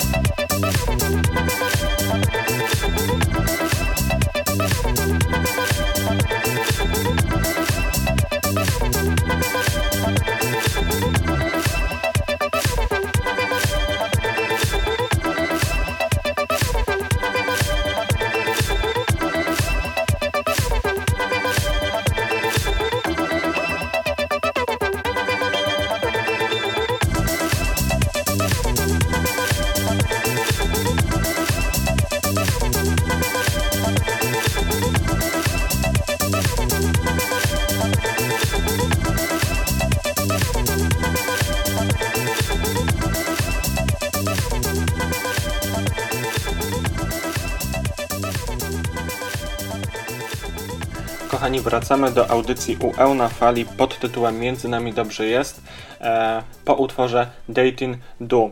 E, rozmawialiśmy przed przerwą o Igorze Herbucie. Byłem przepytywany przez e, Janka, ale Janek przygotował dla Was e, specjalnie, e, przypomniał sobie o ważnym momencie dla jednego e, z zespołów. Jakim był rok 2017 i Janku, powiedz, co to za zespół i z czym wiązał się ten moment? Mm, Rok 2017 był generalnie rokiem dla nas obydwu wspaniałym, gdyż oficjalnie wkraczaliśmy w dorosłość i mieliśmy już te 18 lat. Aczkolwiek był to też y, rok dla wielu osób w pewien sposób smutny, gdyż w 2017 roku swój ostatni wspólny koncert y, zagrała grupa Black Sabbath. No, powiedzieć o, nim, o nich, że to są y, dinozaury heavy metalowego grania, to nie powiedzieć nic, bo to są po prostu prawdziwe legendy. Ja tutaj nawet nie chcę pytać Pawła, czy on słucha, ale jednak może zapytam i może mnie Paweł zaskoczysz. Słuchasz Black Sabbath? Ryczę do tego. Ryczę pod prysznicem. O matko. Do gałki Tak? prysznicowej. Rozumiem, że Wiesz co, to... to... ruszasz swoją głową, tak? O, tak, po prostu loki mi się prostują, jak wiesz, wyciągam te dźwięki, które, które wokalista. E, Wiesz co, odpowiem... Ozzy Osbourne. Tak, y, wiesz co, nie chcę tutaj wyjść jakby na ignoranta, aczkolwiek znowu od, jakby odpowiem tym samym, co ty odpowiedziałeś przy Lemonie. Gdzieś to jednak nie jest, nie jest ten styl. Czasem faktycznie pojawia się taki moment, dzień, ale jest on bardzo krótki e, moment, e, gdzie faktycznie z jakąś taką chęcią, czy też ciekawością sięgam po takie utwory, ale, ale raczej to jest rzadkość. Ale Mhm. rozumiem, że ty e, uwielbiasz takie nuty cięższe. No, ja przyznam szczerze, że może właśnie nie tyle te cięższe granie tak generalnie, ale ten zespół akurat tak. E, Dość wcześnie stałem się fanem tego zespołu jak na swój wiek, ale dość późno generalnie, no bo mm, to jest zespół z lat 70. Wtedy oni rozpoczynali swoje granie. A ja miałem chyba jakieś 14-13 lat, kiedy się zapoznawałem z dyskografią tego zespołu i potem z czasem bardzo, bardzo mocno żałowałem, że nie pojechałem na ten ich ostatni koncert w Polsce. Z tego co pamiętam, to on był yy, w Krakowie. No i mówić, że Black Sabbath dało czadu, to, to też jakby nie powiedzieć nic. Ich koncert myślę, że trzeba przeżyć na żywo i mnie niestety nie było dane tego zrobić, czego jak mówię już, jak już mówiłem, mocno żałuję. No ale jak się nie ma, co się lubi, to się lubi to, co się ma, więc y, regularnie zakupuję i to winyle, i to płyty CD, i biografię y, członków zespołu. A sam Ozzy Osbourne był bohaterem reality show w y, Stanach Zjednoczonych. Mm, Teraz mi akurat uciekła nazwa tego wspaniałego programu z głowy, ale generalnie on stał się takim jednym z pierwszych artystów z tej dawnej, dawnej, dawnej epoki, którzy zaprosili kamery bezpośrednio do swojego życia. I Ozzy Osbourne pokazywał tam naprawdę swoje różne oblicza. oblicza. Generalnie program w większości chyba jest na YouTubie, więc można się z nim zapoznać. Zresztą zachęcam też do zapoznania się z muzyką Black Sabbath, bo jest to zespół pionierski, jak już mówiłem, przez to też bardzo wyjątkowy, ale już o tym cięższym graniu myślę, że wystarczy, Wiesz bo co? Paweł przygotował E, to zaproszę- kolejną taką liryczną artystkę. Wiesz co, ja jeszcze tylko chciałem powiedzieć, że to zaproszenie do życia prywatnego bardzo kojarzy mi się z e, taką inspiracją dla Uli Hinch i, i programu Gwiazdy Prywatnie. To tylko O matko tak- jedyna. to tylko taka moja, e, moje skojarzenie. Takie asocjacje, ale powiedz mi, ja kiedyś czytałem, stosunkowo niedawno nawet, e, że Ozzy Osbourne, Mhm. i popraw mnie jeżeli mylę, postać, to prawda, że on odgryzł głowę nietoperza na koncercie? Tak, to prawda i to wcale nie miało miejsca w Wuhan, wbrew e, obiegowej opinii, jak to by się mogło teraz kojarzyć z obecną sytuacją na świecie i to Ozzy Osbourne nie jest odpowiedzialny Jasne, za jasne. mm, pandemię korona, koronawirusa, aczkolwiek taka sytuacja miała miejsce. Prawdopodobnie Ozzy Osbourne był wtedy pod wpływem narkotyków. Zresztą to nie jest jakiś e, wyjątek, jeżeli chodzi o karierę tego jego mościa. No ja myślę, że e, któregokolwiek no, mościa. Regula... W większość, większość artystów tak, no ale jest taka miejska legenda, jak to Ozzy Osbourne po jednym z mm, kolejnych takich przedawkowań najzwyczajniej w świecie trafia do szpitala i lekarz, który badał jego krew, e, stwierdził rzekomo, że e, w jego kokainie, która płynie w żyłach, znajdują się ślady krwi.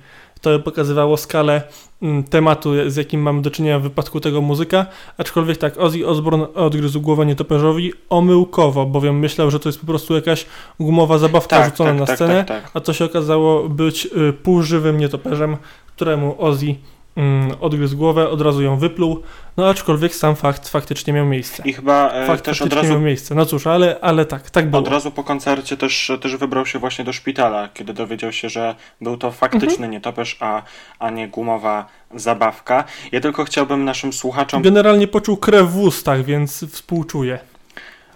Bon, ate- bon appetit, c'est moi. Ja tylko chciałbym naszym słuchaczom powiedzieć, że e, ten wybór zespołu przez Janka wydaje mi się absolutnie nieprzypadkowy, e, ponieważ nasi słuchacze muszą wiedzieć, że Janek ma przepiękną, bujną, opadającą na czoło grzywę, więc ja myślę, że on do tej muzyki szaleje właśnie tymi włosami. I, i tego To jak już widoku- zacząłeś temat moich Wiesz włosów, to... Braku tego widoku Mm. bardzo żałuję. O. Aha, o matko, to bardzo urocze. Generalnie z moimi włosami jest taki temat, że one żyją trochę swoim życiem momentami i to jaką ja mam fryzurę w dużej mierze zależy na przykład od tego, jak silny jest wiatr.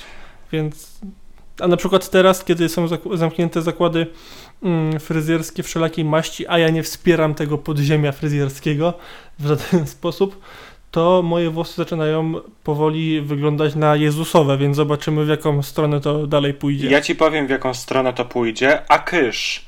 A kysz takim włosom. I tutaj e, Ależ nawiązanie, ależ, ależ pan poszedł, panie Pawle. poszedłem i to równo oczywiście w roku 2017 płyta Akysz Dari Zawiałow. E, I to była taka płyta, która, Boże, jak ja się cieszyłem, znaczy jeszcze wtedy nie. E, już tłumaczę dlaczego. Ponieważ to była płyta, który, to była płyta, którą ja odsłuchałem po jakimś czasie od, e, od, od jej premiery, ale jak ja się później cieszyłem, zwłaszcza teraz przy tej drugiej płycie, która się ukazała e, w ubiegłym roku, jak ja się cieszyłem, że tej dziewczynie się udało, ponieważ ja pamiętam ją z X Factora, kiedy, kiedy ona chyba jakby dotarła do tej finałowej dziesiątki, do tych występów na żywo, ale ona dosyć szybko odpadła i mnie jej było tak szkoda, bo bo ja widziałem w niej jakąś taką charyzmatyczną, fajną postać, która może wnieść e, dobre i takie sensowne treści do polskiej muzyki. E, no i jak się okazało, nie myliłem się. Yy, dobrze, to ja tutaj się muszę pochwalić akurat, że ja Darię znam od początku jej takiej kariery mm, solowej, w sensie już jako takiej spełnionej artystki od tego pierwszego albumu i jestem ogromnym fanem Darii Zawiałów. Też no, nie byłem na żadnym koncercie, bo jestem strasznie e, biednym człowiekiem i nie stać mi na bilety. W ten sposób to będę sobie tłumaczył, a nie tym, że mi się po prostu nie chciało na niego, na którykolwiek z tych koncertów iść. Aczkolwiek myślę, że to w najbliższym czasie nadrobię. Z tego co pamiętam, być może teraz się wkopię, to jest druga płyta Darii, prawda? Mm, Wiesz co, chy, chyba tak, chyba tak, chyba tak. Bo pierwsza to był ten malinowy chruśniak, z tego co mi się kojarzy, i tam była ta y, cudowna wariacja na temat wiersza. O matko, i teraz, teraz dopiero wszedłem na ignoranta. Kto napisał malinowy chruśniak? Tak, Bolesława Leśmiana, faktycznie, tak. Malinowy chruśniak. Cudowny. Ja pamiętam, że nawet używałem tego y, utworu i tego bazowego i tego w wykonaniu Darii jako jednego z argumentów na maturze z języka polskiego, więc muszę tutaj Darii podziękować za mój całkiem niezły wynik. Y, Jak już wspominałem, artystka, której dawno na polskiej scenie muzycznej nie było. Ona nie jest w żaden sposób przekombinowana, ale jest bardzo taka swoja. To jest faktycznie jej muzyka. Ona się porusza w swoim y, nurcie, nie musi się za niego na siłę wychylać, żeby zdobywać rzesze fanów. No a te wszystkie płyty, które do tej pory nagrała, nie schodzą poniżej pewnego poziomu i za to należy naprawdę bić jej brawa, Ja bo myślę- i duety, w które Daria Zawiałow jest wplątana i te solowe wykonania, to jest naprawdę to top polskiej muzyki. Tak, ona jest przede wszystkim bardzo ciekawa i tak jak powiedziałeś, te, te płyty nie schodzą z poziomu. Mam wrażenie, że one są wręcz. E, e, każda płyta po prostu bije poprzednią, tak? Mam. E, jestem ciekawy wręcz, jaka będzie kolejna, bo dla mnie ta poprzednia płyta, e, Helsinki, jeśli się nie mylę. E, Helsinki. Tak, to, to jest naprawdę tak, tak. bardzo dobra płyta i to jest jedna z najlepszych płyt e, polskich w ostatnim czasie. E, pewnie pominę bardzo ważne płyty i bardzo dobre, ale nie wiem, czy ostatnim takim dużym wrażeniem, jakie wywarła na mnie płyta, to nie było wrażenie wywarte przez Jezus Maria Peszek, e, Marii Peszek. I to był chyba rok 2012. Ja odnośnie Marii Peszek nie będę się wypowiadał, bo to, to wiesz, to, to chyba rozumiesz i pa, a Państwo być może zrozumieją przy okazji naszych innych rozmów. Myślę, że, że- ja z Marią Peszek nie, nie, ma, nie mam po drodze. Myślę, że e, ten e, kąśliwy ton można zinterpretować na spokojnie w trakcie przerwy muzycznej, do której oczywiście teraz e, Was zapraszamy, a przed Wami utwór Highway Radio. Radio, radio, tak. Radio Gaga. Radio, radio, tak. Hey, e, Highway Radio. A zresztą, e, tak e, przy okazji, mm, Radiohead jest jednym z ulubionych zespołów Darii Zawiałów, więc fajnie się składa. Także, drodzy słuchacze, Highway Super, super się Radio złożyło. przed Wami.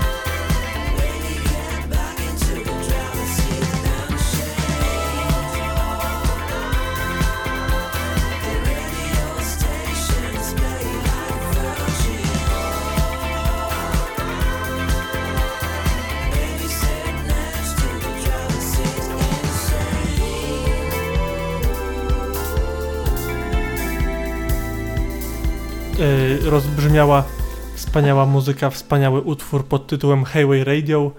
Y, ja już Paweł wypowiedział pierwsze słowo, miałem nadzieję, że to będzie Highway to Hell zespołu ACDC, O, no ale jak... to byłoby mocne. Mm, nie, nie jak nie mogę dostać tego, co bym chciał, to prawda, muszę się y, liczyć z tym, że będzie tutaj jakieś autostradowe radio, ale e, autostradowej radio powiedziałem jak Mariola Gołota, która przepla- przeplata język polski angielskim i w ogóle ostatnio w Dzień Dobry TVN była rozmowa z e, Andrzejem Gołotą i z Mariolą. E, oczywiście właściwie ten wywiad wyglądał tak, że mówiła sama Mariola. No Mariola jest w pewnym cudowna. momencie powiedziała, że że, że ona wszystkie warzywa generalnie trzyma w basemencie, a ja, ja zwariowałem w tamtym momencie. Cu- Cudowna kobieta, ale nie o Marioli Gołocie będziemy teraz rozmawiać, bowiem rok 2017 był mocnym rokiem filmowym, aczkolwiek jeszcze, ja mam jeszcze jedno nawiązanie, anegdotkę taką króciutką, czy ty Pawle wiesz, bo tego chyba ci nie mówiłem, dlatego zapytam, że ja z Darią Zawiałow widziałem się sam na sam? No co ty? Naprawdę. Jak? To było tak, że ja już ci mówię, to jest, to jest po, prostu genialna sprawa. A może ty myślałeś, że to jest byłem w Złotych? Tarasach. Nie, nie, nie, nie, właśnie problem był w tym, że, że, nie, że, że nie myślałem wówczas, że to jest coś inny, tylko to faktycznie była Daria Zawiałów. E, Byłem w Złotych Tarasach i poszedłem sobie do McDonalda. No jasne. W owych Złotych Tarasach. I było generalnie jakoś bardzo, bardzo wcześnie. Jeszcze w Maku wtedy serwowali te śniadania o tej porze. Podchodzę sobie elegancko tam do tego czytnika, przy którym się zamawia. A obok mnie stoi nikt inny jak Daria Zawiałow. I ja miałem takie... Hmm, to jest naprawdę Daria Zawiałow. I powiedziałeś- I tak, i, tak się na nią spojrzałem. I powiedziałeś, a kysz. No, i co? Nie, bo to jeszcze było przed tym płytą. Tak to bym się poczuł, że wiesz, że, że ją zainspirowałem do nadania mm, tej, tej nazwy, a tak niestety się nie wydarzyło, bo to Daria Zawiałow sama z siebie zrobiła Akysz. Mianowicie nie dałem biednej kobiecie złożyć zamówienia, albowiem spojrzałem się na nią, ona zobaczyła, że ja ją rozpoznałem, po czym Daria Zawiałow odbiegła od tego czytnika i pobiegła w drugą stronę. Poczułem się jakiś stalker, który śledzi biedną Darię Zawiałów, za co ją serdecznie przepraszam, to nawet w moich oczach nie wyglądało tak źle, jak, jak potem się y, jakby okazało po tym, jak ona się zachowała.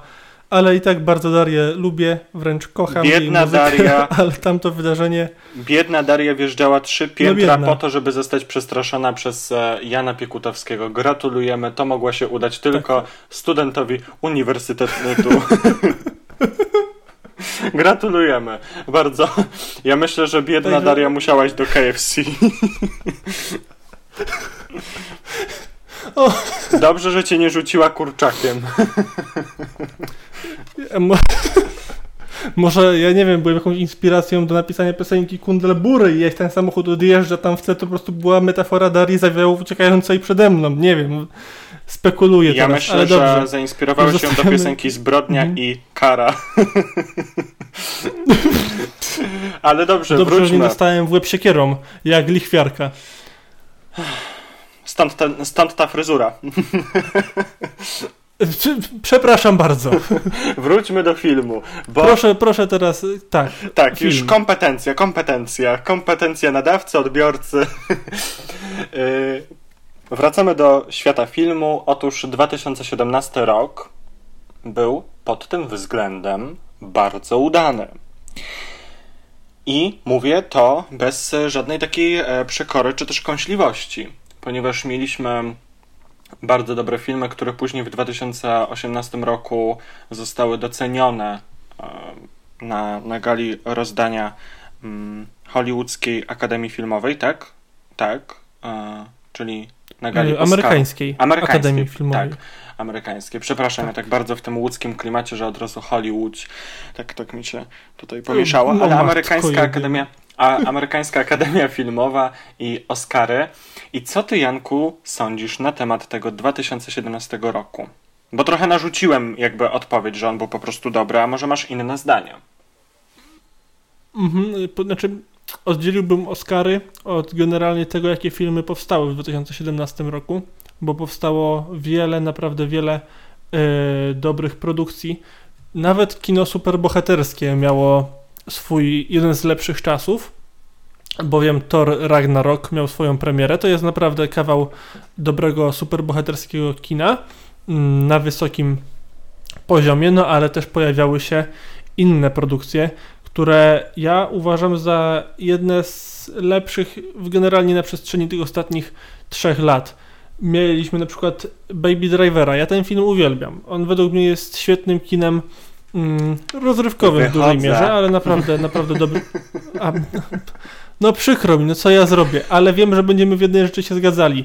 Yy, ale jeszcze zanim to, to ja powiem o tym, że był Logan, Wolverine, to też jest znakomity film pod tym względem. Było też tamte dni, tamte noce. No, no Podejrzewam, panie Pawle, że to ja... Tak, no to wiedziałem, że usłyszałem odpowiedź. Yy, mieliśmy też Nić Widmo z yy, jak zwykle genialnym Dawidem yy, Lewisem, Danielem Lu- Boże, co ja teraz mówię? Wow, wow, wow. Daniel Day-Lewis, tak. Strzelasz tymi Tak. imionami. Wiesz co, mój, mój mózg y, w, tamtym, w tym momencie po prostu się wyłączył, ale już wracam do formy i chciałem Cię zapytać o film, który w roku 2017 nie wygrał Oscara, ale w roku 2018 jako film z roku 2017 mam nadzieję, że nadąż, nadążasz za tą wspaniałą paralelą czasową. X, Y, muszę znaleźć zdobył Z. Oscara. E, Dobrze, to Zetem jest w tym momencie film mm, Kształt Wody. I co o, ty o tej produkcji uważasz? Wiesz co, no mm, cóż, cóż mam ci powiedzieć, E, to jest film mm, no nie podobał mi się ten film, no nie będę tutaj żadnych dyplomatycznych gadek urządzać. No nawet chciałem to jakoś... Ja już się spodziewałem jakiejś opinii wyważonej, jakichś wniosków, No właśnie ale ten film był po chciałem. prostu słaby, tak? Ja rozumiem. No właśnie chciałem, ale trudno mi nawet taką skonstruować, ponieważ ja nawet z tego co pamiętam, to nie dokończyłem tego filmu, bo on mi się tak nie podobał i był dla mnie tak nudny, że.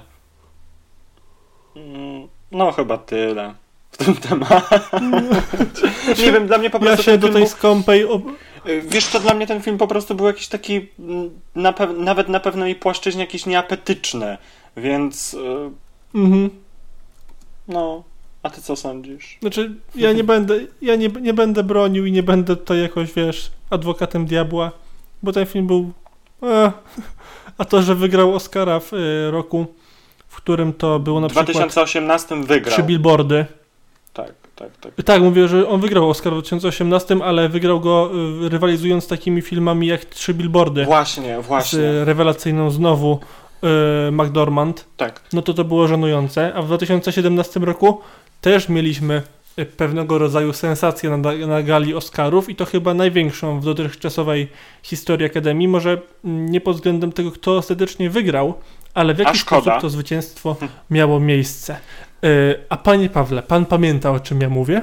E, Pamiętam o czym mówisz, e, pamiętam ten moment, e, ponieważ e, zazwyczaj noc Oscarowa jest tą nocą, e, którą staram się spędzać bez snu, chociaż inne noce prawie, prawie tak wyglądają, ale właśnie tamtej, e, tamtej nocy pamiętam ten moment, kiedy e, miał być wyczytany werdykt tej najważniejszej kategorii, czyli nagroda Oscar dla najlepszego filmu.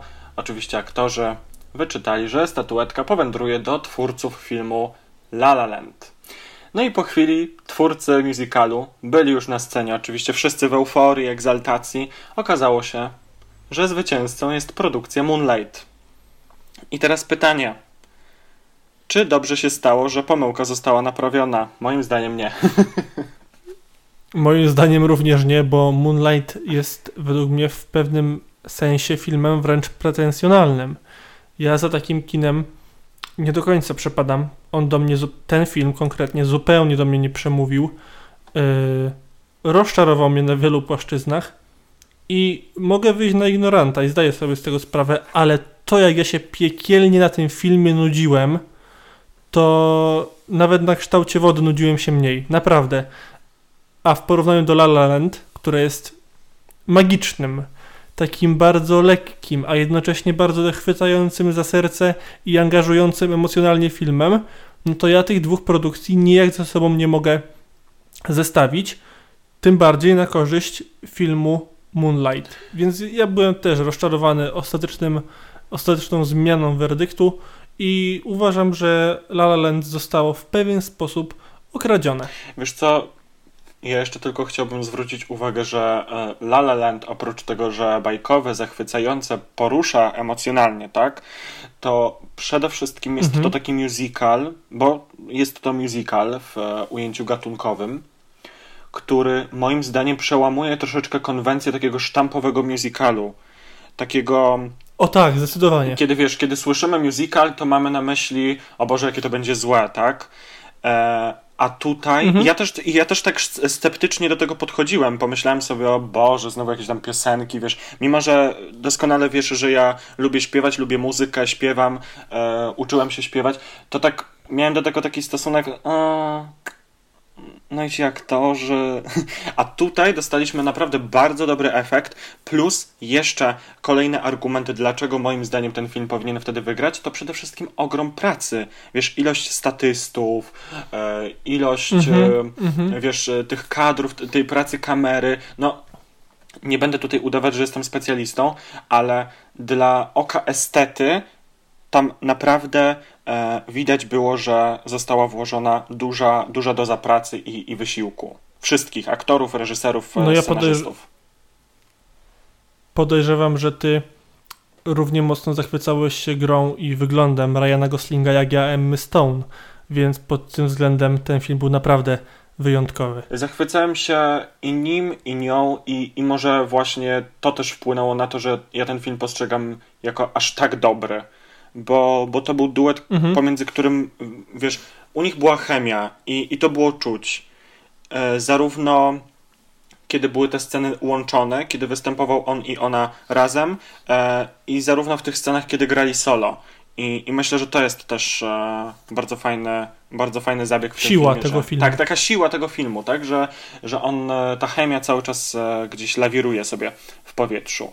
E, myślę, że w tym momencie do To tematu... zanim e, będzie Proszę. A, dobra, Mów. ja chciałem tylko jeszcze zadać Ci jedno pytanie i będzie przerwa. Dobrze. Y, To jest szybkie pytanie, szybka odpowiedź, lubię ten format z Tobą robić. Mamma Mia czy La La Land? Który musical jest lepszy? Mamma Mia, bo Meryl Streep.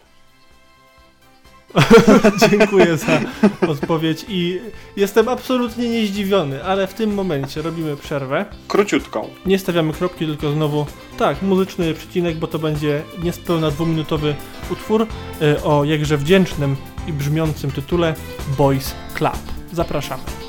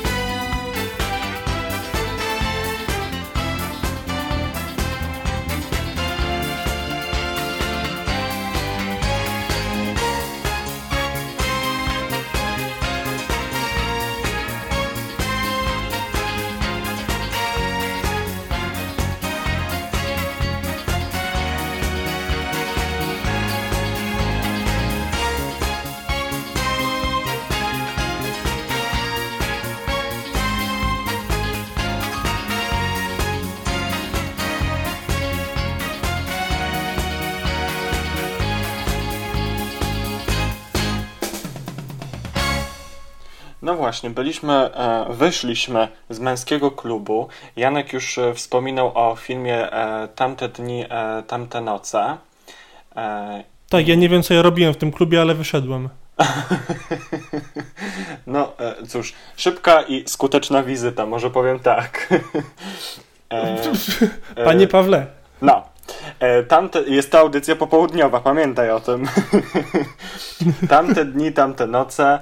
E, film bardzo dobry, książka jeszcze lepsza, ale ja tutaj chciałbym się w stosunku do tego filmu też odnieść e, w takim kontekście, że to był film bardzo pominięty, to był film przegrany, ponieważ on chyba finalnie wyszedł tylko z jedną statuetką. Tak mi się, To wy- tak mi się wydaje. A z jaką? Myślę, A że jaką? dla najlepszego scenariusza adaptowanego. Y, już sprawdzam, bo właśnie. Otóż. Otóż nie.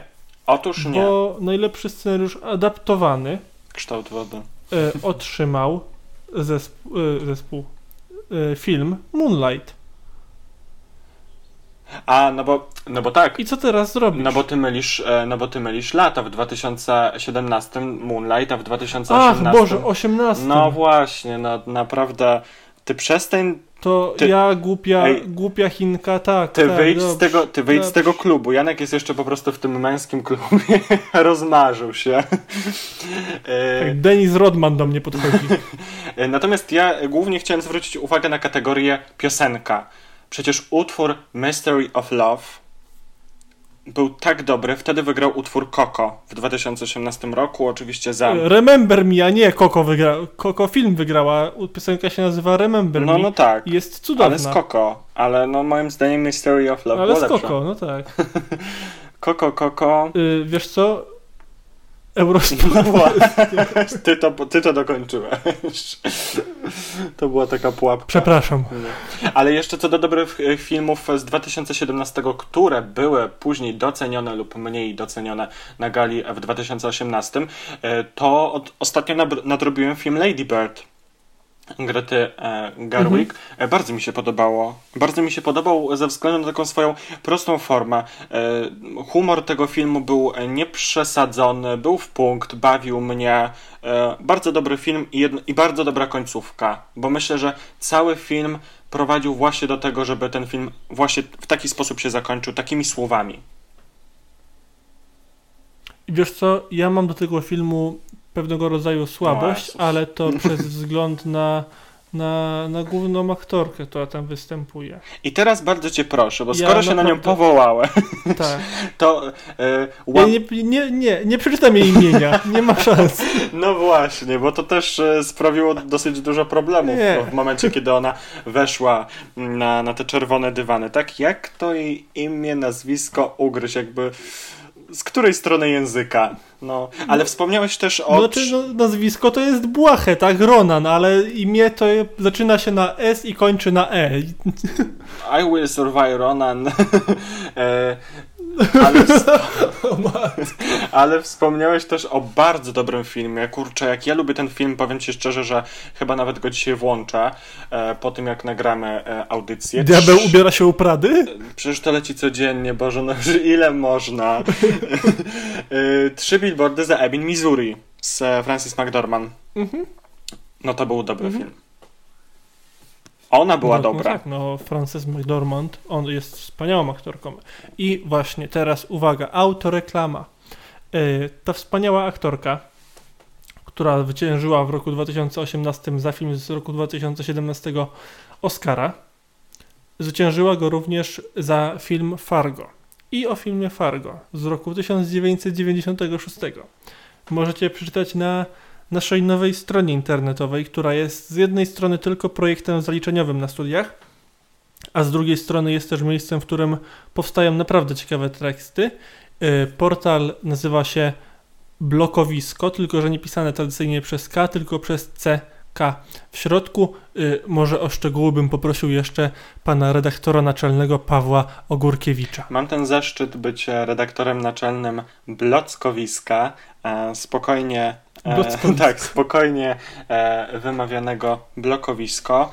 E, serdecznie Was tam zapraszamy, ponieważ e, wydaje mi się, że to jest taka tak różnorodna przestrzeń z tak e, odmiennymi punktami widzenia świata, z tak odmiennymi.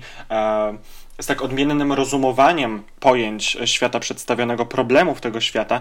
Mam nadzieję, że każdy znajdzie coś w nim dla siebie, dlatego że podzielili, podzieli, e, podzieliliśmy, tak, mm, magister Brawo. Kwaśniak chyba by mnie zabił, e, podzieliliśmy e, tę stronę na, na działy. I, i dzięki temu podziałowi mam nadzieję, że każdy znajdzie coś dla siebie, ponieważ e, są tam teksty związane ze sztuką, e, z kulturą, z, ze zdrowiem, z modą, ze sportem, czy też takie tematy bardzo wolnoartystyczne, wolnopojęciowe, e, na przykład o tym, dlaczego ludzie giną i jak to funkcjonuje w czasie pandemii, dlatego że czasami w niektórych sprawach bardzo trudno znaleźć świadków, a w chwili, kiedy wszyscy jesteśmy w domach, nikogo tak naprawdę nie ma na ulicy, jak znaleźć jakichkolwiek świadków. Mam nadzieję, że, że, że Was zainteresują te teksty i bardzo serdecznie zapraszamy do odwiedzania e, strony blokowisko blokowisko.wordpress.com lub na Instagramie blokowisko również tam działamy. Tak, dobrze. To my wracamy do głównego tematu audycji. Co tam jeszcze, drogi Pawle, przygotowałeś? Wiesz co, przygotowałem jeszcze takie ważne e, wydarzenie, ponieważ e, dobrze wiesz, że myślę, że nie tylko ja, ale w ogóle taka nowa fala, mm, czyli nasze pokolenie, e, to są ludzie, którzy zauważają błędy, czy też braki w funkcjonowaniu naszego, naszej ojczyzny. Może tak powiem. Nie, nie chciałbym tutaj wchodzić Mhm. stricte w, w takie sfery polityczne, bo politykiem nie jestem. Natomiast myślę, że dla nas, jako ludzi wolnych, są bardzo ważne takie elementy, dzisiaj mógłbym powiedzieć reglamentowane, jak wolność, e, miłość, e, czy, czy wyraz siebie, tak? Wyraz zwłaszcza ten artystyczny. I do takiej dysharmonii, czy też zachwiania tych elementów, wydawać by się mogło podstawowych wartości, e, doszło właśnie w roku 2017, e, kiedy, mm, kiedy miał być zorganizowany jeden z największych festiwali e, polskich w naszym kraju, czyli Festiwal Muzyczny w Opolu. Tradycyjnie organizowany w czerwcu. Natomiast komplikacje pojawiły się kiedy to w maju pojawiły się informacje o rzekomej czarnej liście wykonawców, których pewna stacja telewizyjna nie chce widzieć na jubileuszowym koncercie Mali- Maryli Rodowicz. Myślę, że tutaj e, I ja teraz głos chciałem fanowi. tylko kropkę właśnie. Tak, fanowi Maryli Rodowicz. Janek... Maryli. Tak, Maryli. Janek, pamiętasz, co tam się Y, dokładnie Już działo? ci mówię. Pamiętam to, ale zanim przejdziemy do tych mrocznych wydarzeń, to wiesz co będzie. Będzie przerwa. I będzie piosenka, y, tytuł jej właściwie idealnie współgra z tym, o czym będę mówił, bowiem jest to piosenka pod tytułem What About? What About Maryla Rodowicz. Przekonacie się po przerwie, na którą teraz delikatnie y, i serdecznie zapraszam. Nie będzie kolorowych jarmarków. Y, Nie, zdecydowanie.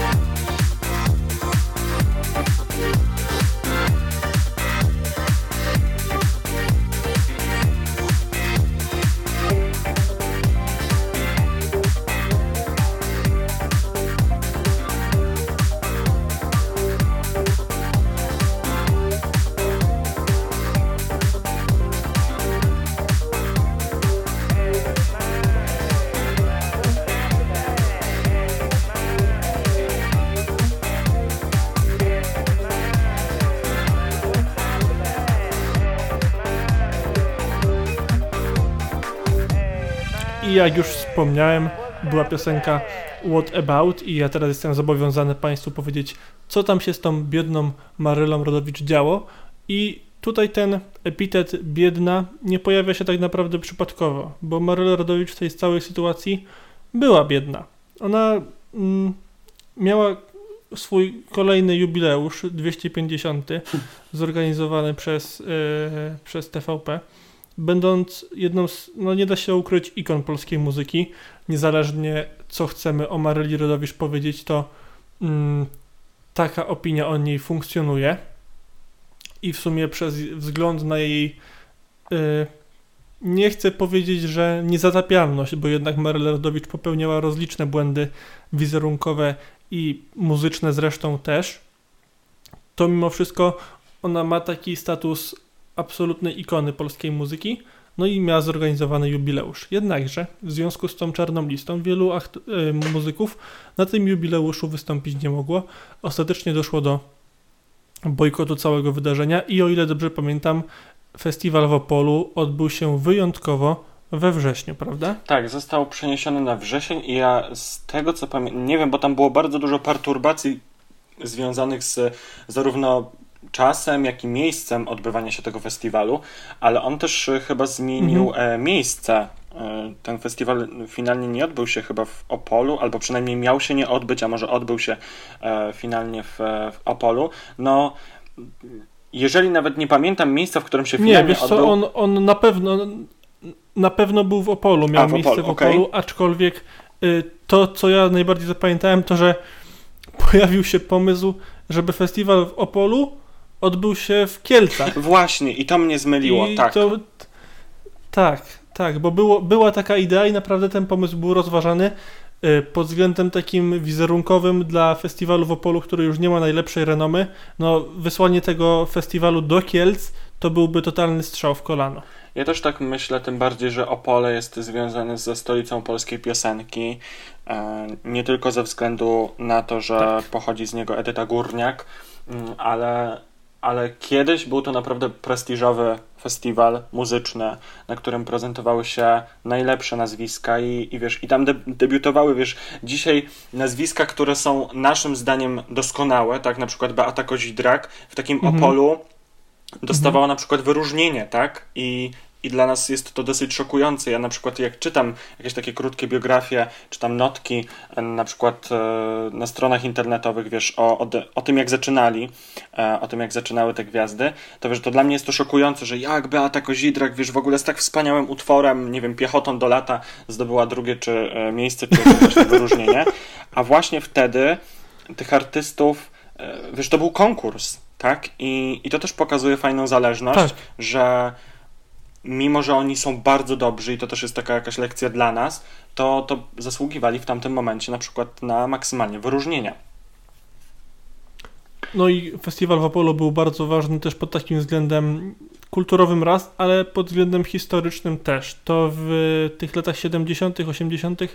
była jednak w pewnym sensie mm, manifestacja polskiej kultury, polskiej niezależności, takiej separacji.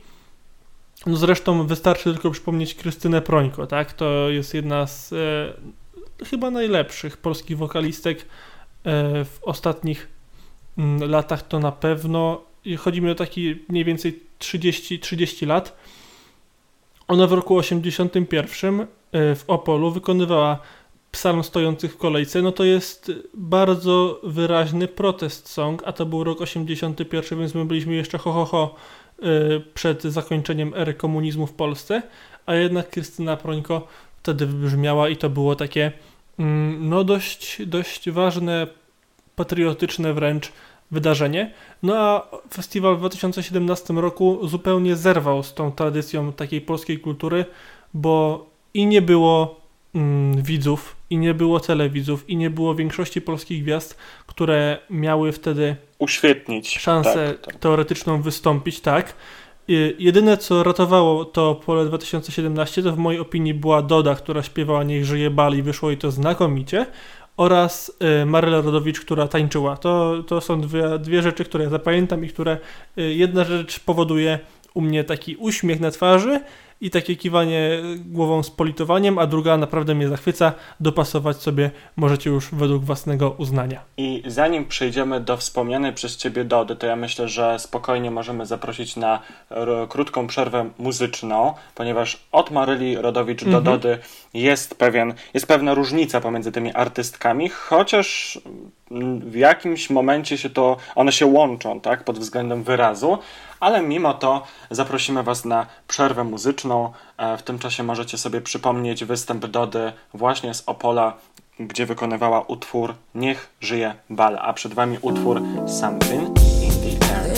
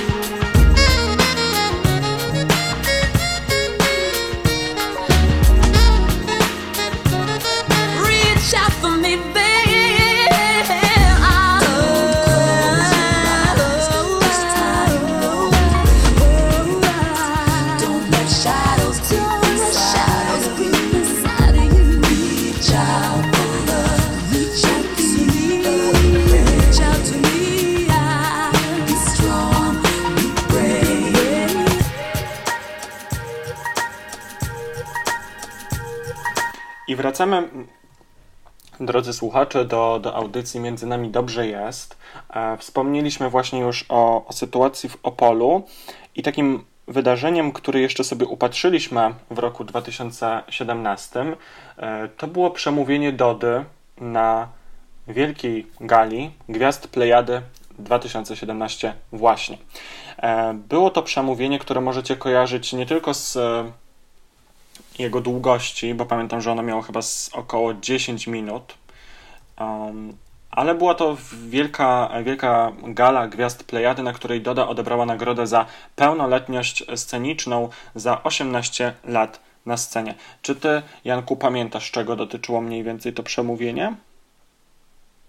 Otóż, uwaga, uwaga, nie pamiętam i teraz jestem wręcz naczynie zaskoczony, ale coś mi świta w głowie, aczkolwiek będę wdzięczny, jeżeli dokładnie mi przypomnisz, o co tam chodziło, bo w tym momencie poczułem się jak taki uczeń stojący przed profesorem, który zadaje mu pytanie, na które nie mam bladego pojęcia, o co chodzi. Wiesz co, y, trochę już lat minęło, e, także nie dziwić się, że, że gdzieś mogło ci to... O tak, 20.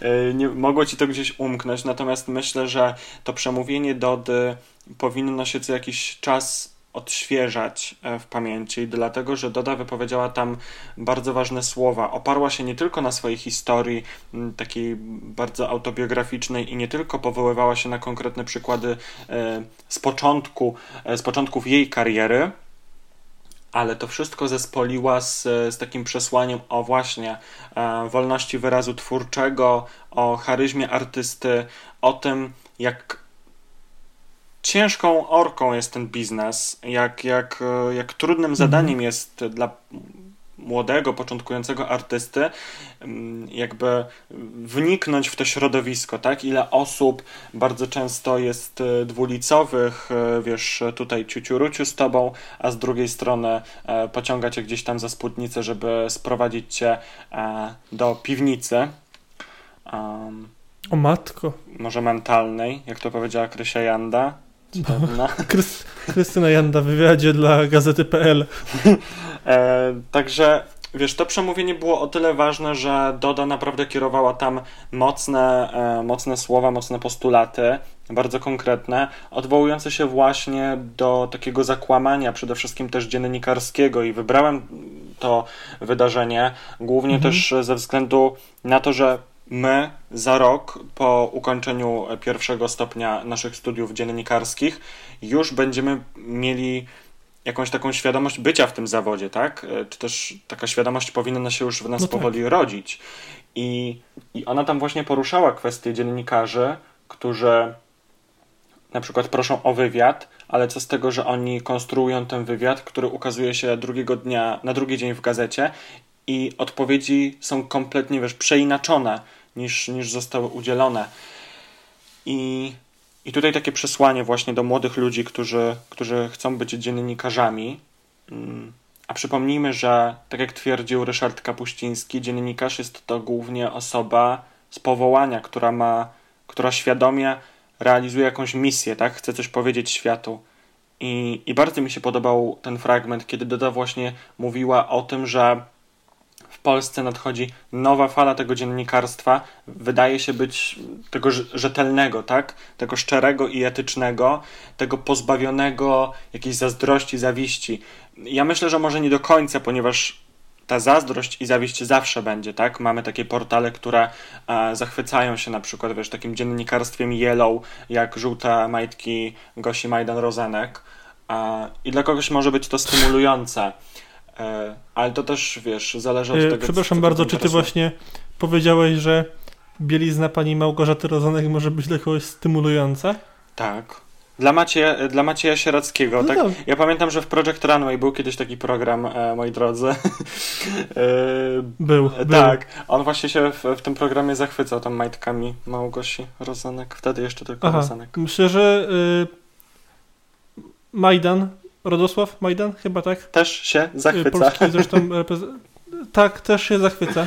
Też się zachwyca. Mam takie wrażenie i nadzieję. Pozdrawiamy Państwo Rozanek, którzy teraz y, dziecka oczekują. Tak, e, w ogóle życzymy, życzymy bardzo dużo zdrowia i, i właśnie Tak. też takich spokojnych dni a przed, przed porodem i, i po porodzie i wszystkiego Bo czasy dobrego. są takie, takie, takie niezbyt. Zachwiane, Ale Pani zachwiane. Gosi życzymy wszystkiego dobrego, naprawdę, bo mm, sympatyczna to jest osoba, naprawdę. I bardzo taka mm, inteligentna. Tak. Mimo tego, co niektórzy ludzie uważają, to naprawdę Pani Małgorzata Rozanek jest osobą Inteligentną. inteligentną Tak. po prostu. I pokazuje to na różnych e, płaszczyznach, ponieważ nie wiem, czy wiesz, Tak. ale pani e, Małgosia e, Rozanek-Majdan e, jest, ma tytuł doktora prawa. Zrobiła doktorat. O proszę, to nie miałem pojęcia, że, że jest doktorem prawa, właśnie- więc jeszcze, jeszcze większe pokłony, bo wiemy, że A Mhm. właśnie nie wiem, czy ona ukończyła ten doktorat. Wiem, że pisała pracę, ponieważ jakby nigdy przed jej imieniem czy też nazwiskiem nie pojawia się ten tytuł, na przykład jak przy doktor Irenie Kamińskiej-Radomskiej. Także to muszę. To O muszę, tak. muszę y, wiesz, no tak wziąłem sobie, żeby to, to porównać. Aczkolwiek ku podsumowaniu, jak ty oceniasz ten 2017 rok? Y, wiesz co, oceniam go znowu na plus. Między nami dobrze było w tamtym roku w kontekście takim kulturowym. W Polsce działy się y, naprawdę różne rzeczy, niekoniecznie znowu jakieś światłe, bo wspominaliśmy o pole, a Konstanty Radziwiłł wziął szeroki zamach na polskie kobiety, za co y, no nie chcę teraz znowu wchodzić w tematy polityczne, ale Konstanty Radziwiłł w 2017 roku się skompromitował po prostu.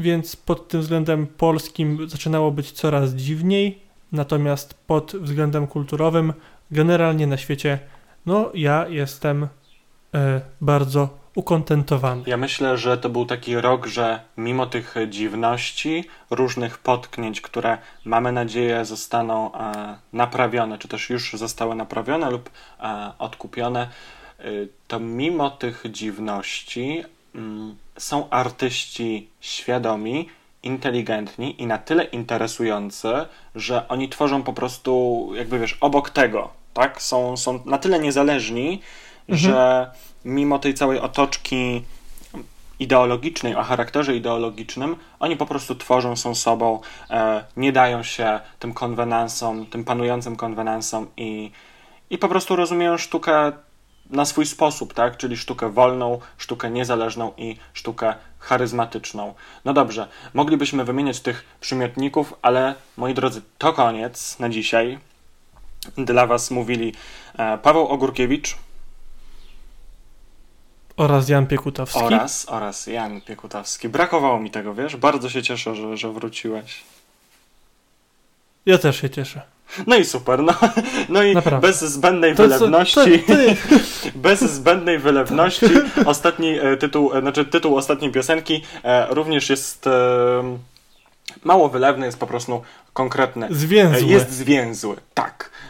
Także moi drodzy, to była audycja u Eunafali pod tytułem Między nami dobrze jest. Czy 2017 rok, czy w 2017 roku faktycznie było dobrze? I tak i nie, ale mamy nadzieję, że w kolejnej audycji, gdzie wrócimy do roku 2016, będzie lepiej. Było lepiej. Także to była audycja u Eunafali pod tytułem Między nami dobrze jest, a my się z wami żegnamy utworem Say Goodbye. Mówili dla was Jan Piekutowski i Paweł Ogórkiewicz. Cześć. Cześć.